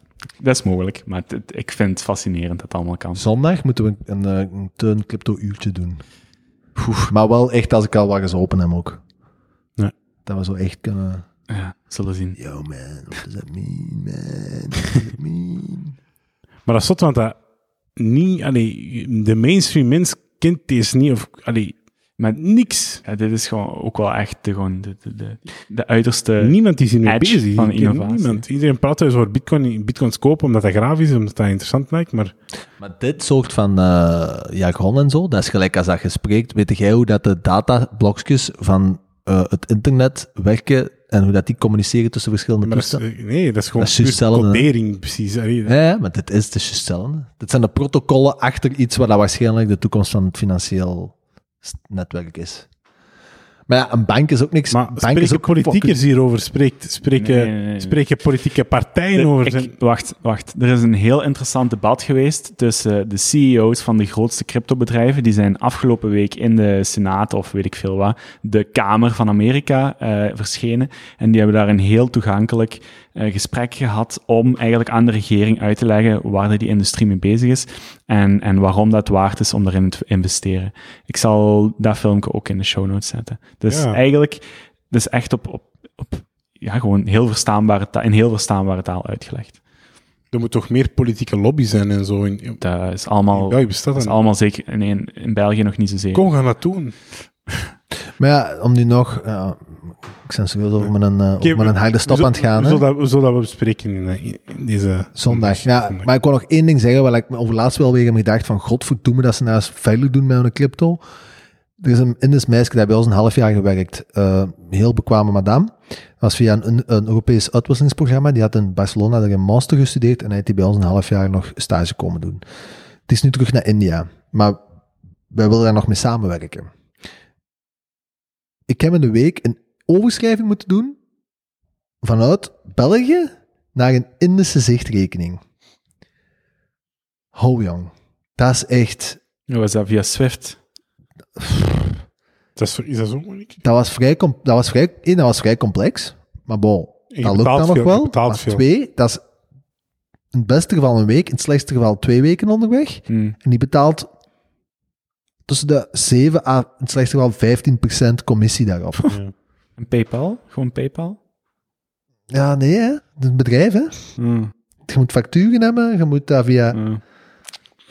Dus ja, Dat probeert, dat probeert Bitcoin Ja. blockchain op te lossen. Ja. Maar jij hebt met zondag. bitcoins gestuurd en er is keihard van procent vanaf gegaan, dus eigenlijk was dat ook niet zo. Ja, dat klopt. Maar dat was omdat we die ook gestuurd hebben via een exchange. Kunnen die zonder een exchange sturen? Dan moet je jij misschien beter als ik.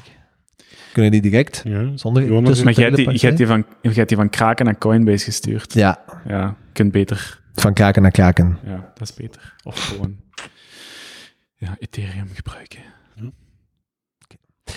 Bon, boys. Ehm,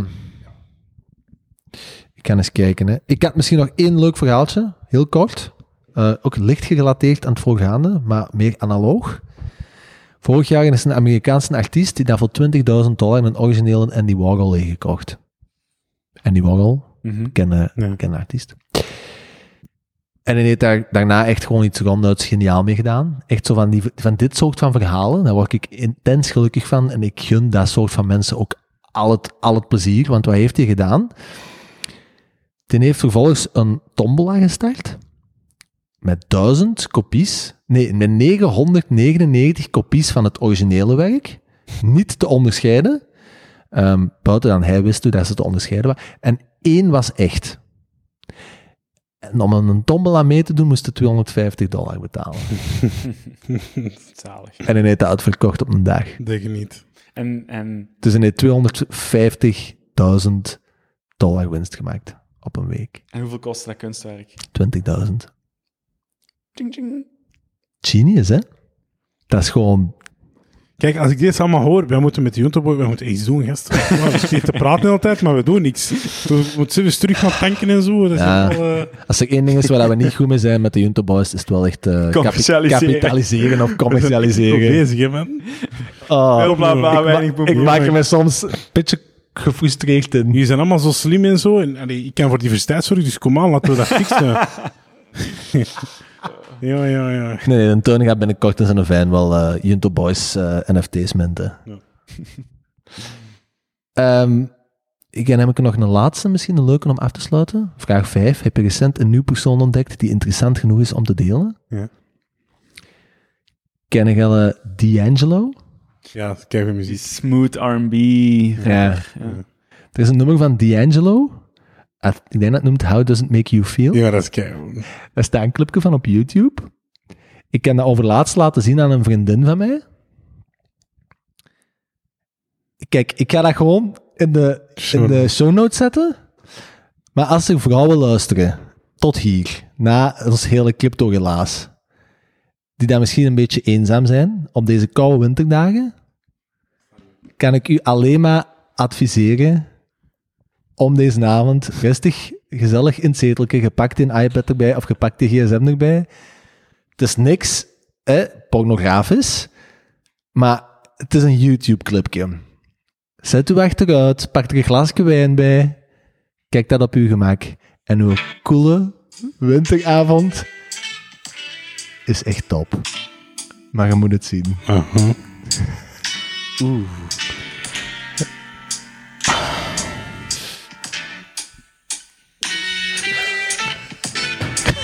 Je moet dat clipje zien. zweer, ik zweer het. Als je dat ziet, dat is echt... Dat is niet normaal. Dat is het meest... Ja? Ik zeg het. Wat is dat? Dat is, dat is echt... één, dat is de geilste muziek ooit. Allee, sorry. Dat? Dat is maar gemaakt voor één ding op te doen, hè. En, Maar dan zie je dat clipje. En dan zie je die gast is in een prime. Ja. Kijk, dames, doe het. En laat dan alsjeblieft een berichtje na op de Instagram dat je ervan vond. dit is voor jullie. Dit is voor jullie. En hier klets zo hem af. Ciao, ciao. Je moet moet een beat geven. Give me one.